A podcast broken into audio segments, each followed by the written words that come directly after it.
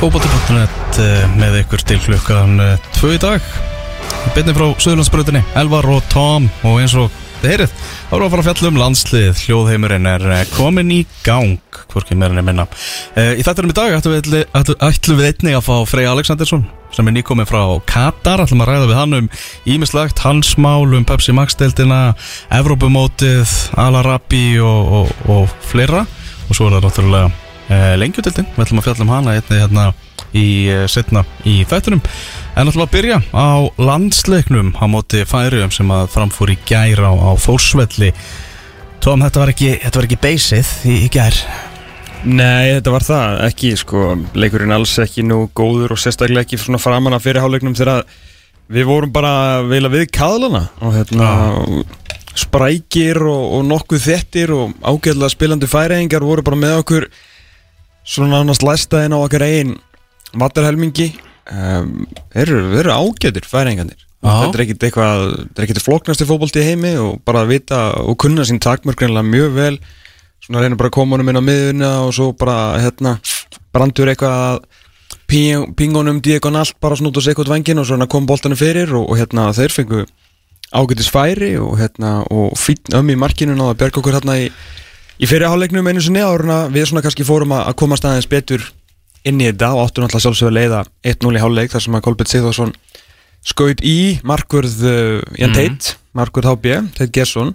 Það þarf að vera erfitt fyrir að að ná inn þessu marki til að vera einn með, með markametið. Til að jafnaði jafnaði eðsmára 2019 í oktober mm og aðstofþjálfurinn vantilega eini maðurinn sem segi en það er ansi já, tekur svona, það er erfitt að komast yfir hann að hjalla fyrir hann Já, ég held að Kolbjörn klár strákur og hérna hefur náttúrulega verið þeim var fjögur ára gammal og hann allar ekki að fara að bæta markametið fyrir tómum torsvelli í færiðum sko. Ah. hann geði það bara í haust fyrir fullan þegar hérna, áhörundu voru komin aftur á, á, hérna, á lögutarsvöllu því að það er alveg ljóst að hann er komin aftur í mixið eftir að vera ég nánast döður að grafa inn í annarsinn Mhm. á áferlinum og þá er Kolbjörn Sigþórsson komin aftur sem stjórnustrækir íslenska landslýsins svona allavega og meðan að Alfred Fimboðarsson helst ekki því miður á, á fótum sko. verður eins og ekki stjórnastrækjarinn á, á þriðudaginu mútið Pólandi því að Nei. það var tilkynnt í morgun að hann væri farin til Svíþjóðar uh, aftur til félagsliðsins myndi ekki taka þátt í síðasta leiknum uh -huh. uh, maður bjósti því samt að hann myndi spila mútið Pólandi fyrst að hann var tekin út að í hálfleik í Já, að svona, hann var nú allavega að spila veist, 60 mínútur ef að hérna uh, ég veit, maður veit svo sem ekki hvort að hann bara klári meira en hérna og kannski var þetta líka eitthvað samstarf Mm. uh, við, við Jötiborg að að halda honum í undir einhverjum ákveðnum mínúndum því að hann hefur verið að standa sig ágætlega, ágætlega þar líka og bara, og bara besta mál þannig sko en eins í sammála, ég held að hann myndi spila þá meira Já. eða þá allar á móti, móti Pólandi Mhm. að hérna en svo svona, já, tóku við svona eh, völdin í þessu leik voru svona ekkit, ekkit frábærir skorum þetta ljómandi fína mark, glæsilegur undirbúningur, það var eiginlega allt gott við þetta mark. Gekkja mark. Birgir Bjarnason alltaf bara flottur í svona leik og svona power í honum. Uh, og alltaf bara betri en allir færiðingarnir í fótbolta alveg eins og Aron Einar, þú veist, bara ég vil hann ekki segja að þeim var ekki sambóð að vera inn á þessum velli skilur, þau eru ekki, kannski, ekki þann, það góðir en eh, Aron Einar og Birgir Bjarnason eru alveg töluvert betri fótboltamenn heldur en allir í færinska landsliðinu og, og allt í góðu með það og bara þetta var ansi létt dagsverk fyrir okkar okkar reyndustu og bestu leikmenn hann inn á, inn á vellinum og, og bara gott dræf uh, ótrúlega sniður og flottu skalli hjá, hjá Alberti í hlaupuleginni hjá, hjá, hjá Neville og, hérna og Mikki kláraði þetta með sko bara frábælega afgreitt sko, bara á vollinu, ekkert eitthvað að reyna að smyrja hann út við stöng og fara að klúra sig eitthvað neða þannig, hann vissi bara að Teitur myndi aldrei verja þetta, hann myndi setja á markið. Og þetta var bara allt gott við þetta mark sko. Getur ekki satt líka bara, þú veist, nýtt upp að fyrir Mikael Andersson einhvern veginn, svona, þú veist, mikið í umræðinu marga kjaftasögur um hann að gaf ekki kost á sér náttúrulega í undir 21 áslandslið og, Já, það var enga kjáft þessu, ég meina Arnar sagði það bara við okkur og við fyrstu punktu net og svo rættu við aftur þann hér að hérna, hann var bara ekkert sáttu við þessa ákvörðu, nú fannst hann var bara ekkert sammálunni Já, já, en, hérna, en virkaði fyrir hérna, Mikka úti, hann komst aftur inn í liðið já. og hérna, að sammála því, bara Mhm. nýtt upp á fyrir hann og, og því miður maður hefði líka verið til að sjá nýtt upp á fyrir Verud Kjartansson eftir allt bullið og farsan í hérna í mars en hann alltaf því miður meittur og, og ekki, ekki verið með sko einmitt. en hérna og bara besta mál hérna eins og segir, beysið nei það var ekki gott, en það er kannski eðlilegt og höfum, hversu oft höfum við séð þetta þegar það er verið að tína út náttúrulega núna gáðu kannski ekki kost á sér en hversu marga vinnáttuleiki, hversu oft voru við hérna á lögati eða taka upp eitthvað podcast eftir einhverja ömulega æfingaleiki þegar Lalli og Heimir voru og síðan Heimir Mm. uh, þegar við vorum kannski búin að vinna Króatíu, Tyrkland, Rúmeníu, Holland ég veit ekki hvað og hvað og svo fórum við að spila mútið Íslandi og gerum eitt eitt jætteflið eitthvað, maður bara, uff, við komin æfingarleikur enn og ný, sko, en það náttúrulega alltaf og við vorum alltaf að segja þetta því að uh, þessi strákar aldrei spila saman Mhm. við verðum þá náttúrulega líka að gefa þessum strákum þann já Aron og Birkir hérna inn á miðinni En á hinbóinu að vera, þú veist, að selja okkur það að, þróunin eigi að vera þannig að við höfum að vera geta að fara að stýra leikjum betur. Og það var sagt bara, þú veist, á leikdegi þá segir bara Eður Smári, já, já, við búumst við því að stjórna þessu leik og við búumst við því að stjórna honum bara algjörlega. Og það var síður en svo þannig. Ja, algjörlega, algjörlega, en það náttúrulega kemur út á það sama með þetta, hérna, þú veist, nýjir bakverðir, nýjir miðverðir, nýjir markverður, þú veist, ég áttum ekki alveg á af hverju við áttum að fara að stýra þessum leik, þú veist, það er svona, kannski svona örlítill hróki í því skilur, að vera að spila móti næstu besta liði færiða með eitthvað glænýtt lið hjá okkur, þú veist, ég skildi ekki okkur við einhvern veginn áttum að stýra þessu bara því að við erum með fleiri fótboltakalla, sko. Þannig að, en, þú veist, ég skildi pælinguna og ég hefði viljað sjá okkur gera betur Já, í þessu leik og, og Þannig að þú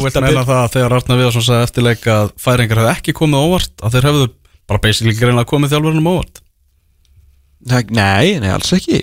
Ef hvað minnur Nei, út af því, við byggustu því að við ætlum að fara að stýra þessum leik svo þið þjálfararnir. Nei, ég held að við hefum kannski bara þá frekar aðeins ofmetið okkar lið. Já, að hérna, miklu frekar heldur að, jú, kannski er náttúrulega líka sama tíma vanmetið færingana þess já, að hérna, jú, ég, kannski, ég veit ekki kannski er það ósamála Arnar er með það en mér finnst þeir eru bara þettir og við svona nákvæmlega hvað ætla að gera. Og menna við vorum með, þú veist, fullt af svona ég kannski ekki fullt af nýju mönnum við vorum, með, Brynjar sem er kannski búin að, spila hérna eitt leik en aðri sem á að spila fleiri leiki en veist, þetta lið hefur nú ekki spilað marga mínútunar saman, sko. En, en þú veist, það var bara ekki, það var bara ekki nógu gott. Alls ekki og, veist, og þeir fara ekki til féluleik með það eins og við þar bæðið Arnar og, og Mikael Andersson eftir leik. Mm það sem að bara, já, það að þetta, hérna, við vitum allir að þetta var lélegt. Já, ég meina, það var bara fyrir sögn held ég á, á mókanum og bara Já. við vitum allir að þetta var ekki var ekki nógu gott sko. En, hérna, og mér fannst það ekkit skríti með, með það með svona liðs uppstellinguna og, og kom kannski ekki óvart að Aron og Birkir sem eru svona okkar reyndust menn voru veist, lang bestir á vellirum sko. Já, Aron maður leiksins í ámætti Mexiko Birkin maður leiksins í. Já, það að segja sér Það segir sitt sko. Já. hérna, en, en já, maður, ég, maður, ég hefði svona óskað eftir svona meiri og betri framistuðu frá, frá nokkrum maður náttúrulega býður ennþá eftir ég náttúrulega sá ekki Mexikoleikin var, Mhm. var vant við látin. Mm -hmm. að, hérna, en uh, Ísak átti við sljómandi fína leik þar. Heldur betur. Uh, ég lakkaði rosalega mikið til að sjá hann mitt, veist, svona, í, í mínum róka hvort færaska landsliðinu með Ísak í tíunni fyrir framan Aron og Birki held ég einhvern veginn að hann myndi Maður var bara búast til því að hann myndi vera að fara að leika listi Já, ég held það svolítið sko.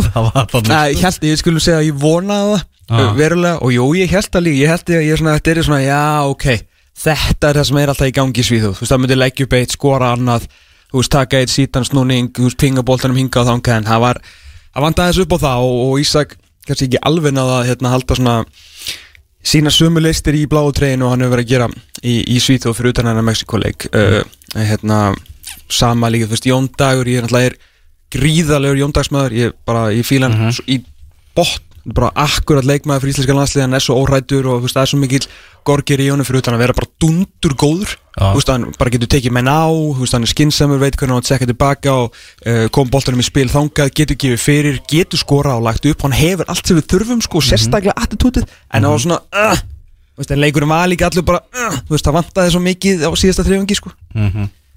Já, þetta var ekki, þetta var ekki skemmtilegu leikur og svona við fórum aldrei, aldrei almennilega í gýrin erfitt, þú veist, á tóm þú veist, bara hvað er ekki á leikdegi sem áhörendur eru cancelaðir og þú veist, einhvern veginn á tómum tórsvelli þú veist, gerfigras og eitthvað svona, ég veit ekki það er svona alls konar afsakar Miklu flottu, flottari völlur hins vegar Já, Laugardalsvelli. guðminn góður, sko, guðminn góður. En kannski stóru fréttnar í þessu Já, er það að þetta var í fyrsta sinn sem að Hannes Þór Halldórsson held ég horfur á landsleikum í Íslandi og sér sem sagt uh, hlutabriðin sín ekki hækka skilur við, eða fyrir ekki kannski hlutabrið markmæðin sem var að spila ekki lækka. Mm. af því að ömmi átti bara fínan dag sko, já, eftir að, að Rúnar átti kannski ekki alveg að góðan dag á múndi Mexiko sko. Smá brasa ánum hann í lokin en, en annars bara flott framistað hjá Emma. En bara stálhefnir voru við að færingar hafa ekki skorað í þessum leik. Bæðar hafa ekki komist yfir Byrjuðu þennan leik bara miklu betur. Miklu betur sko. Dauða færi eftir hotspinnur Já. Og síðan náttúrulega þarna í lokin þegar rángstæðan var dæmt réttilega Eða broti, ég veit ekki hvað var dæmt á endunum En þetta var rángstæð allavega Nei, þetta var náttúrulega pjúra rángstæða hérna, Við fengum aldrei að sjá í myndavelinni hvort hann var með höndin uppi dómarinn til að gefa merki um hérna rángstuðu því að ef hann var ekki að dæma brot þá bara gæðin sem að stóðan á línunni bara eyðilaði jöfnunar markið sko. Já, já þú veist bara færingar átt ekkert skilið að tapa þessu leik. Það er bara, við getum bara sagt að bara algjörlega að meða við framistöðu þeirra þá hefðu þeir aldrei átt skilið að tapa þessu leik Nei, ég meina, er þetta ekki, ég held að sé klálega besti, besta færiskjarnasli sem við höfum séð held ég, hérna, svona í, í minningunni, þetta hafa aldrei verið neitt einhverju frábæri leikir á, á móti færum, var ekki fyrsti sigurleikur Lalla á heimis, nei, á sínum tíma, var það ekki, var það ekki færiðar hérna, árum við fórum inn í, inn í, eftir að við töpum fyrstu fjórum aðingarleikjunum, og þetta hafa, já, svona á síðust árum kannski ekki verið, svona alltaf voru alltaf í kórleikjunum á móti þeim líka, mm -hmm. það endur alltaf fútt í þeim, það var alltaf, hérna, Rókvi Jakobsen, hérna það ekki, sem var Já. í Káur Jú, jú, sem að var alltaf hérna, sparka aftan í Aron einar og Aron svona fór í vittal og sagði hluti sem að hann er reyndar segir ekki í dag eftir að hann var svo eitthvað fullurinn og svona ekki alveg af grillaður sko. Að hérna, já. Allavega ekki grillaður í viðtölum?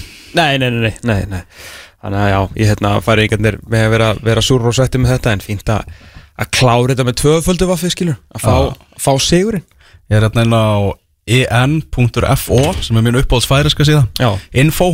Info. Uh, og þar er hérna fyrsta fréttin á Íþróttavöfnum að Íslandingar rosa færiska landsliðinu og Þórsvelli og þar er vitnaði með tí.net byrjar greinin færingar og konum með þjóðarleikvang sem er mun flottari en lögadalsvöllur þjóðarleikvangur Íslands.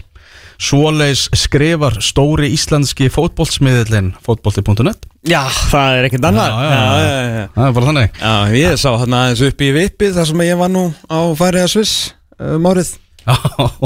Eftirminnilega. Eftirminnilega. Uh, en það kannski man ekkert svakalega mikið eftir og mér var endur ekkert bóðið ángað Nei. en það var eins og það var og fekk mér Mexikosúpu og, og nokkra svona af krana áður en að uh, öryggisverðinir fóru að horfa svolítið svona förstum augum á mig. Og þá röldi ég bara í burtu og Þannig ég held að einn besta ákvörðun mín hafi verið að setjast ekki í sæti sem ég ætlaði að setjast í hérna sem að kom síðan í ljós að ræðismæður færi að sem sagt satt í.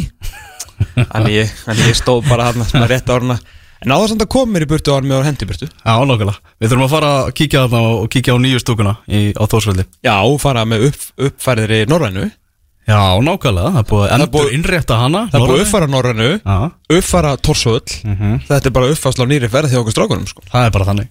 Þarna, ef við spilum svona á móti Pólandi þá verðum við alveg raskjaldir, það er klárt mál. Já, í generalpröfu þeirra fyrir EM. Já, ég að það sé klárt mál.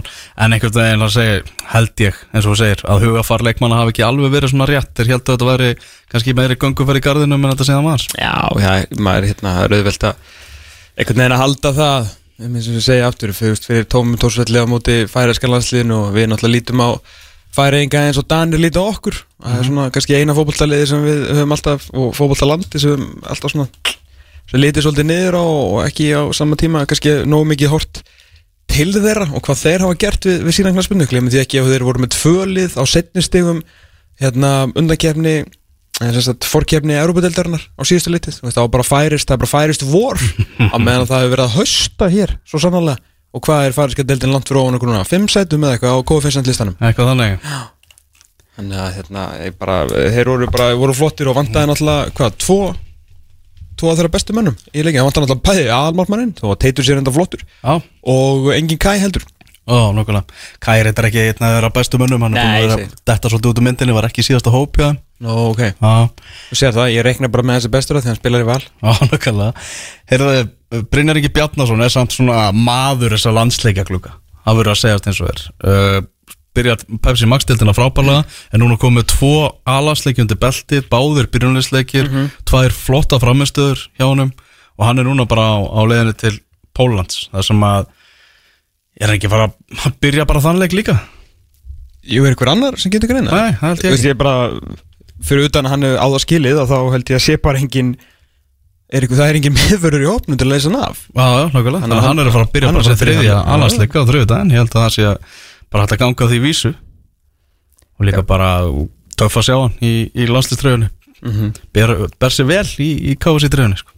algjörlega sko, svo er alltaf hérna, maður er alltaf að heyra og, og sjá og þú veist, veitir bara, hvað, hvernig gata hann ekki verið undir 21 og landstofnum og nú hann allt í hennu komin í A og ég heyrði það Haukur Harðarsson sem að ég skil ekki betur en hann hefur verið að lýsa sinni síðasta leik gær uh, hérna, ég, Svo miklu vilur sá mikli mestari og stórvinnur okkar Haukur Harðarsson sem er að, er að hverfa til annar að starfa hjá hérna, uh, Já, ég veit ekki, hjá samkjælisettilindinu og hérna, það verður synd að sjá eftir honum mm. uh, þessum mætasveginni að hérna, emitt kom svona inn á það í lýsingunni að hérna, það hefði verið, sé mikil umræða það það sé svona mjög áhugavert að hann hefði ekki verið á, á 21 ás mótinu eh, lokamótinu eða sérst keppni þessu fórum í og fórum nú illa út úr að síðan allt inn komin í allansliði þetta er samt ekki svo skrítið sko. Nei, nú Brynjarri fannst það ekki skrítið Nei. eins og hann sagði bara Það, eina, sem, eina manninu sem fannst þetta verulega skrítið var öðrum stórfinn okkar Sævari Péturssoni uh, sem er náttúrulega sko sigurvegar í mótsins hinga til.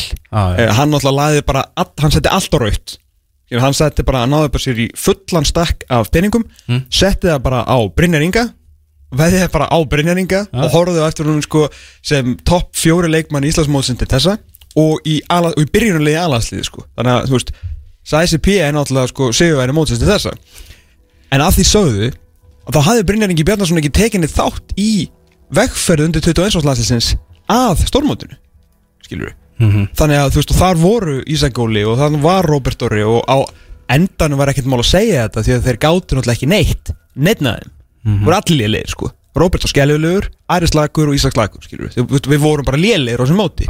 Og þá var náttúrulega ekkert smá auðvelt að benda á af hverju tóku við ekki þennan Að hann hafði kannski ekki alveg verið hvort hann átti síðan að vera hluta af vegferðinni það er síðan alltaf náttúrulega stærri spurning Já, já, hann sagði með sjálfu bara ég var ekkert valinn í undakjarninni og ég bjóst ekkert við því að vera valinn þá allt inn í lokakjarninna Nei, og byggt á hverju, það var ekki svona byrjað að spila knaspinu en ef að mótið, ef að 21. mótið væri að fara fram núna skilur eins og það hefði átt að gera ef það væri bara sumarmót, bara eins og þegar við fórum þegar þú fórst til Danmörkur á sínum tíma þá væri Brynjar Ingi 100% ekki bara í hópnum hann væri fyrstum ára blað með hvernig hann að spila, í Nema alhanslið var að spila á sama tíma. Nefn alltaf þegar að spila tíma tíma og væri að líklega þar. Þannig að það er ekkert skrítið við það með að við tímapunktur á leikjörnum í mars þegar það var bara hérna það var bara COVID hér og, og þú veist það var ekkert að gerast. Og hann hafði ekki spilað henni að leiki aðdragandanum þannig að það meika bara fullkomisens eins og þú segir og hann bjóst aldrei við að vera valinn. En núna ef hann, hann bara komin í alhanslið og bara flott. Nú er hann bara eins og Hannes Aldós ekki með yngri leiki og mættur í hérna mættur í alhanslið Nákvæmlega. Uh, Leikurinn á móti Pólandi það verður fjögur á uh, þriðjudaginn. Þannig að það er happy hour tími. No Happy hour leikur á, á þriðjudaginn. En til að fylgjast með því, það er sáleikur er síndu beint á rúf á sjálfsög Þeir eru með alla þessa þrjáleiki En við ætlum eftir smástund að fara að ræða við Frey Alexandersson. Ekki bara lágt Þá ætti ég, þeir eru stó út á sattin fókbóti.net Hér á exinu 977 Elvar og Tómas Dór með ykkur til klukkan 2 í dag og gestur þáttarins er hingað komin í hús Solbrútn og Hress frá, frá Katar Freyr Alexandersson, velkomin Freyr, hvernig erst í dag? Þakkaði fyrir. Ég, ég er eh, ljómandi, ljómandi fýtt bara. Á, smá, smá breyting að koma hingað í, í, í haustveðrið á Íslandi Já, það, er- það er tölvöður breyting. Já. Ég, ég trúi því ekki ennþá að ég hafi verið farin að töða yfir hitanum og væli, væli við að vera á heitt og, svona, og svo fær maður þetta bara beint í andliði. Ég er búin að vera í tvær vikur núna og það er búin að vera svona viður, sutti og, og, og lægðir og rók og, og grillið fór á hliðina og bygglaðist og þannig að maður, maður, maður á aldrei að kvarta yfir því þegar það er sól sko. Öfgar í báðar áttir Já, ég er samt ánægð með því, ég kvart alltaf að það er of heitt ekstar En það? Já, og já, ekki að vera svona heitt, hvað varst að vinna með 30 gráðan þarna? Nei, nei, undir lokin var 40, 40 Já, það var ekki meira. Yfir daginn sko. Veit það, já.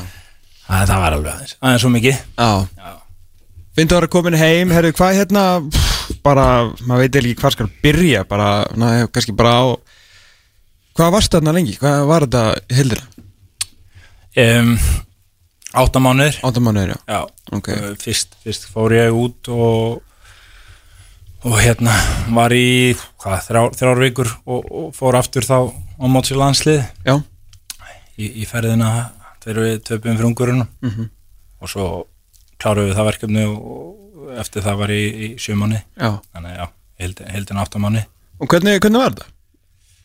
Þetta var alveg bara ótrúlega skemmtilegt. Ég held að það sé kannski ég er svona að reyna hvernig á ég lýsa þessi ég fæ náttúrulega þessa spurningu oft og mm -hmm. Og, og, og ég held að svona fyrsta árið sé skemmtilegt en þetta var þetta mjög svona fjölbreytt. Það voru margi partar af þessu sem voru alveg meira áttar og aðri sem voru förðulegir og það var það sem ég bjóst við og kannski það sem ég sótist eftir. Hvað var er- þetta er náttúrulega og það er kostar og gallar inn í því þetta er allt annar kultúr við erum komin í allt annan menningarheim þarna þar sem að er fyrsta, fyrsta leiði trúalisæðilis er þetta eitthvað sem að maður þekkir ekki og þarf að kynna sér og aðlagast og bera virðingu fyrir. Og um, svo er svona stjórnkerfið og umhverfið fyrir fjölskylduna. Þess að eðlis að allt tekur rosalega langu tíma og er svona þró, svolítið þungt og það er erfitt að erfitt að átt að sjá því hvað maður þarf að gera til þess að bara að ná að setja stað það tók alveg mjög langan tíma en ég reyndar, við tókum það ákvörðun ég og, og fjölskylda mín að þau myndi ekki koma fyrir en eftir áramót sem betur fer því að ég var ekki búin að koma mér og þar leiðandi fjölskyldunni fyrir í landinu fyrir bara rétt fyrir jól. Þannig að það tók, tók tölvöld langa tíma og, og, og bara lartónsferðlu og þetta er svona við svegar auðvitað en þarna þegar þú ert komin í land þar sem að þú getur ekki lesið af því að þeir eru með arbísletur og, og, og getur ekki talað og þá er þetta svona nokkuð þungt og, og klúbarnir eru svo sem ekkit ofbúslega duglegir að hjálpa leikmönnum og, og þjálfurum að aðlagast landinu. Þú átt þarft svolítið að bjarga þið sjálfur. Ég held að þetta væri kannski bara svona í okkar klúbi en svo þegar maður kynntist kollegum í öðrum félögum og stærri félögunum meiri þá er það alveg nákvæmlega saman á tinnum en það, það var svona svolítið til að díla við en, en, en þetta, er bara partur af businessnum og, og ég hérna líti á allt svona til þess að læra af og ég, þegar við, ég hef oftur spurður að af hverju varstu að taka fjölskylduna hérna með í svona styrstan tíma, þú veist, það kom aldrei neitt annað til greina á okkar hálfu, okkur langaði að upplifa nýjan kultúr fyrir okkur öll og vera saman í því og takast á við það og auðvitað fjárhagslega er það ekki gáulegt því að Katar er, er mjög dýrt land. Það er mjög dýrt að bara lifa þar og, og búa þar og, og, að en þetta sný, snýrist ekkit um það þetta snýrist um að, að svona íta á okkur sem fjölskyldu úr öðrum áttum og, og mig sem knaspinu þjálfara að reyna að fá eins mikið áreiti úr öllum áttum á nýjan hátt og, og kostu var á og það, það tókst og ég sé ekki eftir neinu.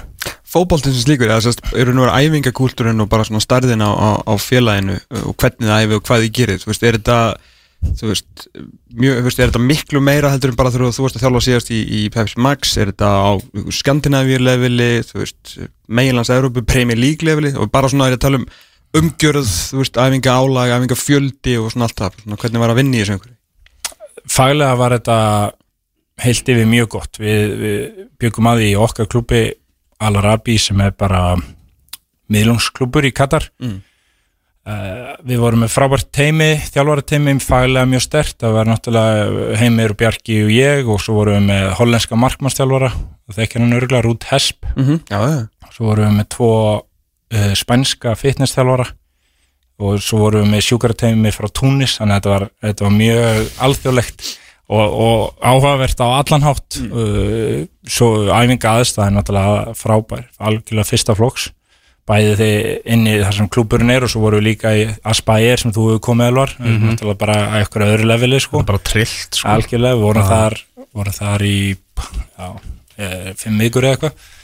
Um, þannig að það, það er alltaf frábært eh, varandi svona struktúrun á æfingum og samanbyrðið Skandinavíu og, og, og aðra deildir þá er það rosalega erfitt að meta það. Eh, hins vegar er, er svona við sköpum náttúrulega vinnuraman, við sköpum umgjöruna og það var allt á, á hæsta geðaflokki myndi ég segja og, en, en svo er það kultúr þjóðverðnana eh, við erum með þarna við erum með Spánverja, Íslanding við erum með uh, Uruguaya sem að reyndar er orðin Katar í dag að vera mjög lengi og, og svo erum við með Írana og, og, og Túnisa ekki þjóðverið líka? uh, jú, sem að var reyndar búið leysenda samning Já, og, ok. en hann var að æfa með okkur lengi og svo litum hann fara, Ok. náðu við því á endunum en, en, en þannig að hugafarið er, er mjög misjátt og balansi í hópnum er mjög, mjög misjátt við erum með frábæra leikmenn svo erum við með nokkra ágæta leikmenn og svo erum við með ofmarga slaka leikmenn. Heimir sagði við okkur þegar hann vera þarna í svona já, stuttan tíma þegar við spurðum hann svona fyrstu viðbröðum við söllu og sagði hann að þú veist, ungu strákarnir sem hafi verið að bara ala upp sem fótboltamenn þú veist, þeir svona einhvern veginn hafa náð miklu betra hugafæri náttúrulega ótrúlega sagan sem að var ekki Heimir sem sagði okkur að vera að kenna þeim að detta það var svo ótrúlegt sko, þeir eru svo miklu fórrættunda pésar þeir eru aldrei dottið á æfinni sko. Þannig að þú veist, þeir voru í jútuæfingum í að spæir bara að læra þannig að myndi ekki bara hálsbrotna þeir eru detta sko, þetta er svo ótrúlega pæling sko. En að sagði að gömlu leikmennir, eldri leikmennir væru hundladir og væri bara erfitt að þjálfa þá bara sagði þetta hérna on air sko. En yngri strákunni væru, þú veist, það var allt annar. Þeir var að vera að ala þá upp sem fótboltamenn og vita hvað þeir þurfa að gera og svona. Já, þetta er alveg, ég get alveg tekið undir þetta hjá heimi og, og svona ungustrákarnir eru forréttinda pésar á ákveðinu leiti að þeir eru að fá sko þjálfun og umhverfi á leveli sem að er, er gríðalega hátt Já. og kannski vera ofala á líka ákveðinu leiti uh, ég, ég upplýði kannski ekki alveg þetta sem heimir lýsir varandi hversu miklu haugar þessi eldri voru ég, hann var kannski búin að snúa þeim líka. Já, hann, hann er náttúrulega búin að vinna kraftaverk með nokkra þeim, ég veit það fyrir víst. Og búin að sjá það bara first hand.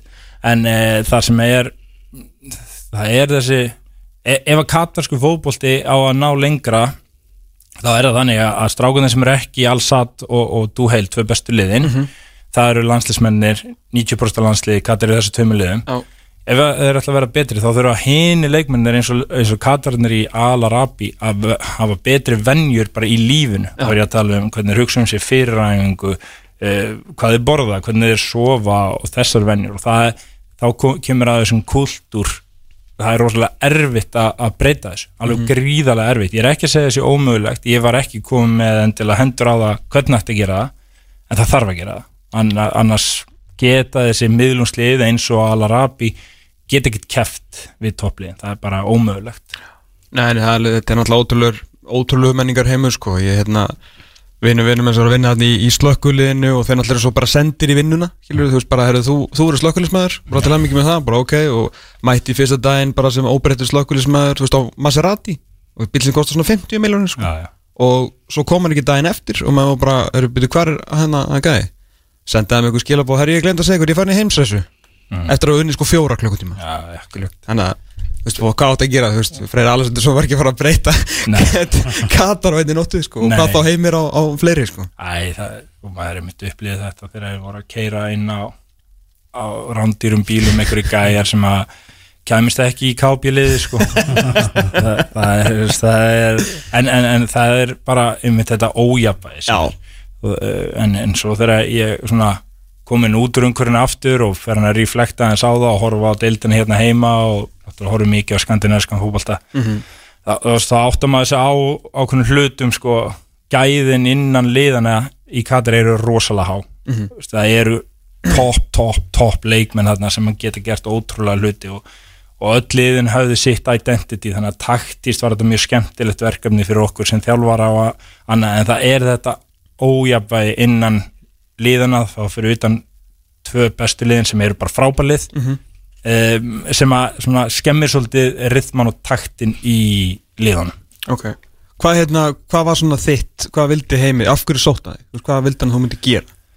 Uh, Heimir sótti mig sennilega af því að hann, hann veit fyrir hvað ég stend og, og ég, ég kem inn í og við erum náttúrulega bara góði vinnir og ég Já. þekki hans hugmyndafræð og hans, hans nálgun og, hann um, sem sé aðstofumarinn hans sem var fyrstu e- allavega eitt og allt ári.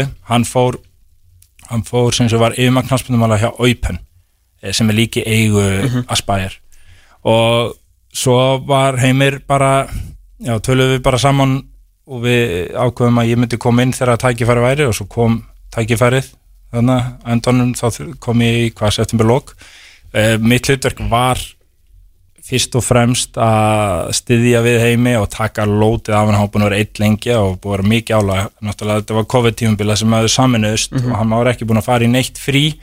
Og í rauninni þá fekk ég strax rosalega stóra rull á æfingarsvæðinu hann, hann, ég, ég sá mestmægnis um, um æfingarnar þarna í desember, janúar þegar kom smá hlýði deildinni. Hann þurfti bara aðeins að stíga til hliðar og horfa og, og það, það gerði ótrúlega mikið fyrir mig e, bara innan hópsins að því að það er rosalega hýr, hýrakía í, í þessu landi. Það, það er aðalþjálfari og það eru aðstofþjálfari og þeir líta ekki alveg eins á. Og svo fekk ég bara þarna rödd og heimir gerði þetta rosalega vel og, og ég stýriði bara batterín í smá tíma og það hjálpaði náttúrulega gríðarlega þegar heimir fær síðan COVID setna að ég var búinn að, að fá að stýra svolítið miklu og hafa sterkar rödda að þegar hann dettur út það var ekkit rosalega mikið viðbrið fyrir leikmenn að ég, ég stjórnaði sjóunu þó að allan tíman er ég náttúrulega að gera undir handleðslu og eftir hugmyndafræði heimis. Mm -hmm. sjálfsög, ég fór ekki að breyti öllum hluti ég bara stýrði skútunni með, meðan það gekk.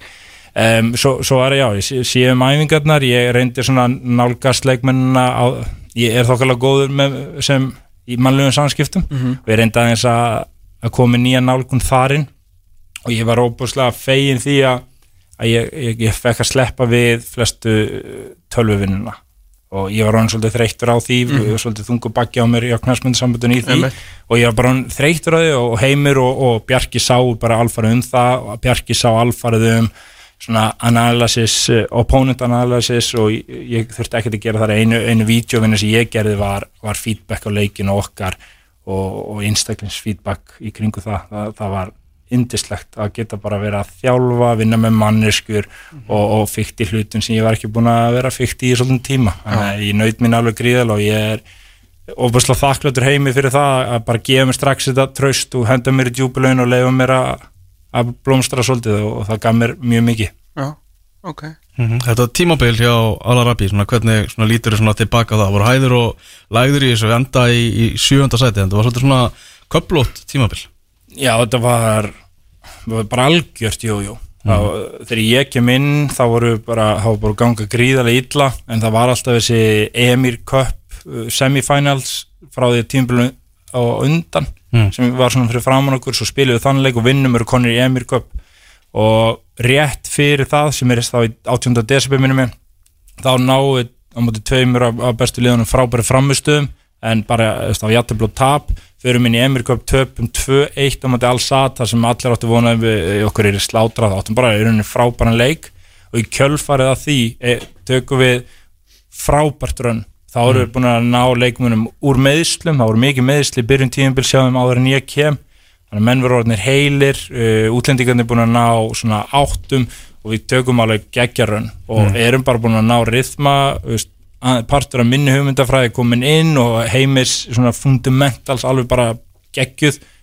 Og þá byrjum við aftur að lendi meðslum þá kemur að þessu sem ég var að segja við ykkur áðan varandi óbalansi í hópnum. Um Já. leið og við fórum að missa einn eða tvo, ekki meiri það sem gerist alltaf þá, þá fórum við að ströggla. Þá fórum við að, allt fórum að vera erfitt og fórum aðeins að tapa leikjum aftur en þetta var svolítið svona upp og niður og í lóktímbil sáttu við aftur voru konur aftur undanúslit í Emir Cup sem er risastórt í, í Katar, risastórt. Og þá er að, eru að fara að spila við Al-Sad og, og töpum síðan þeim undanúslitileik verðskulda gátum ekkert í þeim leik gátum ekki breyk að það var svona tvent ólíkt. Sá undanúslitileiku versus úrslitileikurinn í, í desember sko. Þannig að, já, ég myndi segja að þetta, þetta var mjög mikið jójó og það kemur aftur að þessi, ég sagði áðan, eh, þú átt ekki að vera svona óstöðugur Mhm. nema það helgast að mínu vita því að katararnir okkar er ekki nægilega agaðir og það hafa ekki gæðin til að haga sér eins og þeir höfuðu sér. Já, Það er að segja utanvallar, hvernig borða og svo og allt þetta sem ég var að segja. Mhm. Þannig að, já, þetta er svona, ef við náðu utan að spurninguna. já En hva, hérna sem er ekkit, ekkit launum hvað mála að menn hafa verið sko reknir þarna fyrir, fyrir minna uh, hva, þú veist, af hverju af hverju, þú veist, held heimir svona, svona lengi, þú veist, af hverju var búið ákveða þegar hann kom inn að bara sama hvað myndi gerast hann fengi tíma, þetta er svo ólíkt þessu félagi bara sögulega, sko. Mjög og ólíkt bara katursku Og já, og einmitt. sérstaklega þessi félagi. Eh, Heimir, ég fann það strax þegar ég kom að hann var gjössalega með allt félagið eh, búið að selja þeim vinnubröðin sín og konseptið og, og hann er náttúrulega sterkur leiðtói mm -hmm. ég held að það hefði fyrst og fremst eh, hjálpað honum. Eh, við vorum að vissuleiti heppnir líka með yfirmann knaspundumála uh, hann var svona frekar jarðbundi náungi veist, veist, það, eh, það er mikið Katari Katar, já. Já. þeir eru allir Katar yfir mann knaspundumála í, í Katar uh, það er mjög rosalega mikið um það að, að þeir sem stjórna fara eftir því hvað er verið að segja social media í podcastunum í, í, það er bara fárólegt? Já, en við náttúrulega skiljum ekki orða, við veitum ekki hvað er í gangi en það er það sem þeir segja okkur þarna. Ok. en okkar yfirmann knarfnumála var alveg bara pollrólur en við vitum það samt sem áður að, að e, það kom hana kringum áramótin ef við hefðum ekki náðu því rönni þegar við töfum ekki áttalegjum í röðu eða eitthvað. E, ef við hefðum ekki náðu því rönni þá hefðu við verið tæpir sko. Já, já, ég held að, en, en ég samt trúiði ekki að hann hefði, hefði reiki hefði verið reikin sko en ég held ekki, af því að hann bara hafði svo mikið leverage í þessum klúbi og vinni gríðilega mikla vinnu. En það er betra heimi lýsir því eitthvað tíma að konseptið sem hann gengur inn í og hvernig það verður síðan undir lokin, það breytist. Og ég, ég bara hef ekki nægilega mikla þekkingu á því að útskýra það allavega Nei, nei, hvernig það var í upphafi og þegar þetta var svona lítið mikið development program og hvað, hvernig það þróaðist á, á endanum. Þannig að það svona breyttist aðeins konseptið á hann Vissir þú þegar þú fórst út að þú er þér heima núna að tala við okkur skilur Var það eitthvað sem þú gegst út frá eða ef, að, ef að bara þeir hefur komið til heimis bara hefur plísvert áfram og heimir er sagt þig plísvert áfram Mm. það eru þá verið áfram? Um, Ég bjóst alltaf við að vera bara komin heim í sumar? Nei, ég var alveg, ég var, reynda, var alltaf við sem ég myndi koma heim núna í frí sko. Já, ég meina bara þú veist í og, og vildi alltaf hafa opsjónin á því að geta skoðað hlutina. já, já. Eh, en ég átti alveg eins von á því að bara því ég hef svo mikla trú á fyrst bara mér og heimi en Mhm. síðan eftir að ég hafi kynst Bjarka betur á mér Bjarka og heimi því að þetta teimi er að mínu viti ofbóðslega stert og ég hef, hef svo mikla trú á því hvað við getum gert en ég held bara að, að tími þeirra og þá okkar núna í, í Alarabi sé bara búin við þurfum bara að fara eitthvað annað. Þannig að en ég bjóst alveg því að við hefðum verið þarna áfram því ég hef bara svona ofið trú á okkur sko. Það eru fyrir kannski aðeins meir út í, í Bjarka þarna og svona hans hlutverk. Uh, fyrir aðeins yfir í Vondaliði sem erum búin að nefna nokkur sinnum, Al-Sat sem að náttúrulega svona, já, svona saga einhvern veginn heimis og Al-Arabi samtfinnast einhvern veginn þessu liði, töpuðu náttúrulega fyrir þeim í, í úslítaleg Emir Byggasins og, og Savi að, að þjálfa Al-Sat og heimi tókst ekki að leggja þetta lið. En það var eitt leikur hérna í, í februar sem ég horfði nú á þar sem að þeir töpuðu 3-2 eftir að vera 2-1 yfir bara allt þar, í, þar til í blá lokin. Hversu svona svekkjandi var sáleikur, þetta var bara eitt nótrúlegasti fótballtalegur sem ég hef hort á á þessu ári sko. Já, var það var bara gríðarlega svekkjandi Já. þetta er svo stórt fyrir Arabi að vinna allsatt og í resource-wise að ei- á- eigum við ekki eiga sens? Ég held að fólk áttar sig ekki á því hvað þeir eru með miklu miklu hara budget þeir eru með alla katursku landsleismenn og útlendingarnir þeirra eru svo góðir sko að við- Santi, Santi Cazorla skoraði sigumarki í svona leik. Já, og svo sendir hérna frá, í allsýrska landsliðinu sem heitir Bagdad Bunja sem er geggjaður og það er náttúrulega bara grína hans er búin að eigða öllum sinum ferli í Katar sko. En, en það er bara eins og það er. En við spilum ótrúlega vel og undirbyggum okkur náttúrulega á öðru sér hát heimi var í burtu og var svolítið svona smá stress í gangi en, en ég, ég nöyð mín mjög vel og þetta var ótrúlega skemmtilegt en ég, ég fekk og ég sagði það við Aron eftir leikin sem gæti ekki spila leikin, hann festist í hálsi rétt fyrir leikin sko Já. og Aron er ómissandi fyrir Arabi sko, en ég átti alveg svo að við getum verið að fara að tapa 5-0 þegar Mhm. Aron dettur út í uppbytun en, en svo spilum við svona vel og erum með 80. mínutu, hvað var ekki 2-1 þá fyrir okkur og náum að tapa þessum leik og kaosið síðustu 10 mínutunar var algjört. Og ég uppliði bara ungverðland all over again. Og ég sagði að við Aron eftir leikin bara, við bara, þá erum við náttúrulega búin að vera að vinna bara sjálfum okkur eftir áfallið í mm Ungverðlandi og, og svo kemur þetta og ég fekk bara deja vu, það var hræðileg tilfinning það var hræðilegt. Eh, að hérna, talaðum við um, um Al-Sad og ekki Duhail hérna, hitt Jú. sem að við restin af landsliðinu eru. Þetta er hérna bara kíkja bara á Wikipedia og Katar National Football Team þá er þetta ótrúlega, þetta er engar ígjur þetta eru bara tvö lið Mhm. þar sem að 99% allavega ef ekki að 100 komur sem Já. uh, Katarska, náttúrulega Katarska knarspinn er náttúrulega rosalega miðstýring því að þeir náttúrulega er að vinna að verkefni sem er að vera sannlegir á, á heimavelli eftir, eftir eitt ár.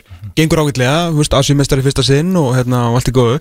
Uh, er, er, er það út af miðstýringunni að þessi tvö lið eru bara veist, eiga bara allir kallanir að vera í þessum tveimur lið já, ég held að það þetta sé aflegging af, af miðstýringunni. Já, og það hafa verið alls konar pælingar uh, það var á tímumbili átt að senda flesta landslismennina til Já. það er verið að spila þar núna næsta sísón fyrir það er búið að bakka með það skils mér og, en, en þetta er, það er út af miðstýringuna og það er rosa margt gott við miðstýringuna en þetta er slæmiparturinn og þeir eru virkilega að skoða grundið núna hvort það þurfi ekki eitthvað aðeins að breyta þessu sko. hefur þetta ekki virkar raun og veru fyrir landsliðið Já. þeir munum ekki vera að setja skammar að ári menn þú veist, þeir eru bara orðin okkur flottir já, já, en eftir það verða er vantalega að fara að hugsa meira glóbali heldur en lokali sko. Jú, þeir, þeir verða að gera það og eru svo sem byrjaðir á því ákveðnu leiti, ég meina til dæmis annarflokkurinn eða hvað kallar það, U9 U21 Já. mótið þeirra það umgjörinn þar var sko miklu miklu hærra leveli heldur en Pepsi deild. Það var sjó- sjónvarsleikir og það voru hvað er að kalla sjökameruleikir og,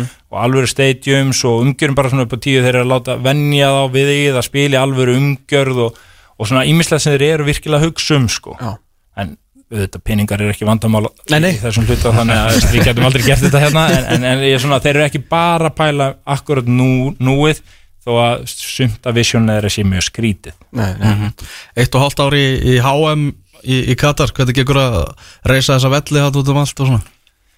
Það gengur mjög vel, flesti vellinir eru bara að verða klárir sko, og svo er náttúrulega nær umhverfið er að fara að klára það svona fansónin og það umhverfið allt og, en það er bara, það er kannski mest óþólandi við Dóha núna er að það eru framkvæmdir allstaðar, veist, vegaframkvæmdir og, og svona það er rosalega mikið í gangi til þess að hafa þetta klárt og ég meina þetta verður náttúrulega stórkostlegt því að þetta er svo stutt og þeir eru búin að setja upp svo geggja lestakerfi en það er ekkert mál að fara á alla heitu the hotspots eins og við við segjum og, og ég meina vellinir eru bara eitthvað annað flottir sko.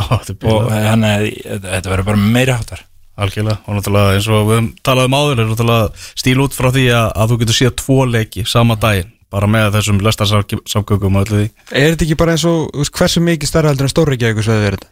bara mjög áþægt Er það ekki? Jú, Já. ég myndi eh, bara HM í Reykjavík. aðeins betra vegakerfi en, já. Er þarna aðeins út í Bjarkamá Ólafsson uh, sem að var svona leikreinandi þarna hjá okkur í, í Alarabi og er núna, já, náttúrulega bara laus uh, kom með Twitterfæslu í gær og það sem maður var að tala um já, umræða sem hefur verið svo sannarlega já, lofti að það sé næsta kannski skrefi sem við þurfum að taka í íslenska boltanum þar að bæta svona þessa leikreiningu og, og að vinna upp úr gögnu sem eftir að ná úr, úr leiknum uh, er þetta ekki bara alveg bingo í salíunum? Jú, þetta er hárið rétt hjá honum og í rauninni eitt af stóru vandamálunum í íslensku við, ég hlustaði mikið á umræðina núna fyrir árstingi þar sem að var endalist verið að tala um að þau þyrfti að fjölga leikjum til að breyta íslensku fótbolta og, og það er kannski partur af því.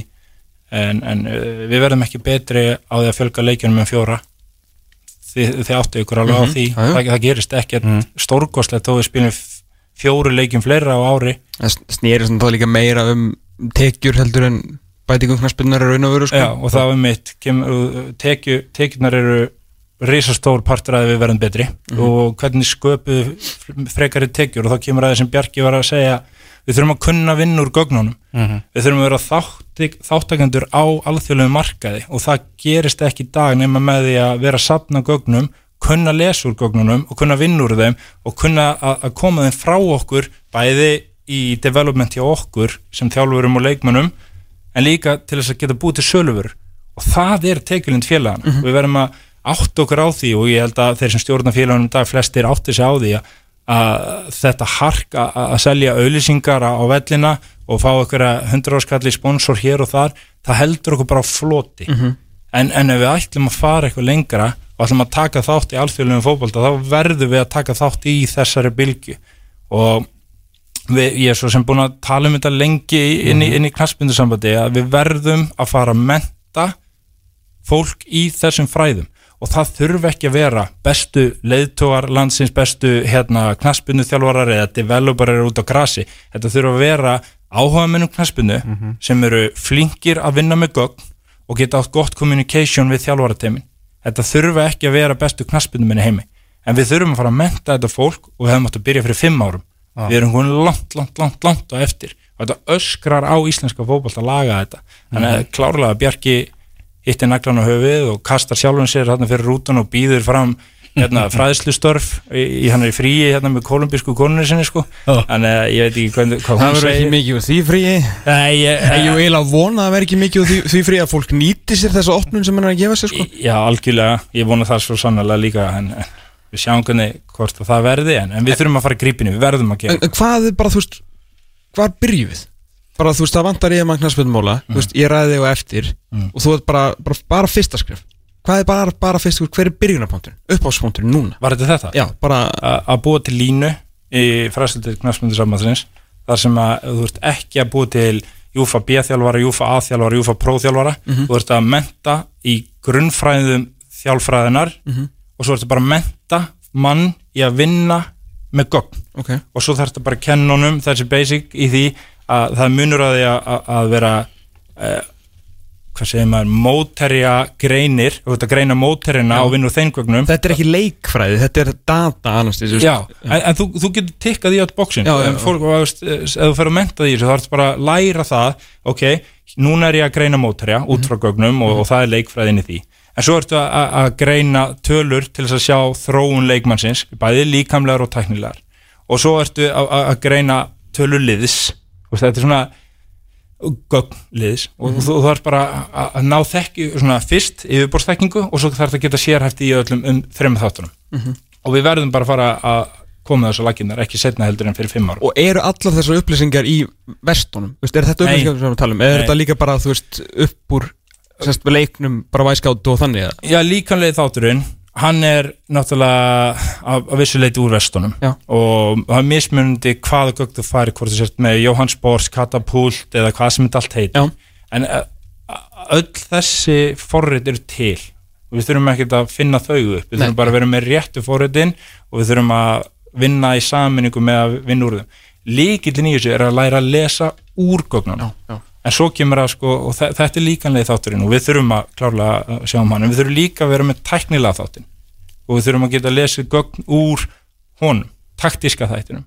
Uh, og, og þetta er bara stórt vandamál núna að koma leikmennum út sem eru ekki, sérstaklega þeir sem eru ekki með marga yngri landslíki á bakinu eða, eða 21. landslíki það er mjög erfitt að koma þeim út að verða ekki inn í sæsportbankunum sem er sem sé þar getið til dæmis tekið leikmann bara Erling Agnarsson í, í Viking og borðið hann sama við Simon Tippling í Bröndby og séð ok, hvar standa þeir út frá öllum datafaktorunum, hvernig svona, er þetta, þeir spila sömu stöðu en hvað hefur Erlingur fram yfir Simon ef við berum saman gæði deildarna en, en þessi gögn eru órelevant kakvart íslensku deildina því við eigum engin gögn um þau þannig að þessi samanbyrður verður aldrei margtækur Nei.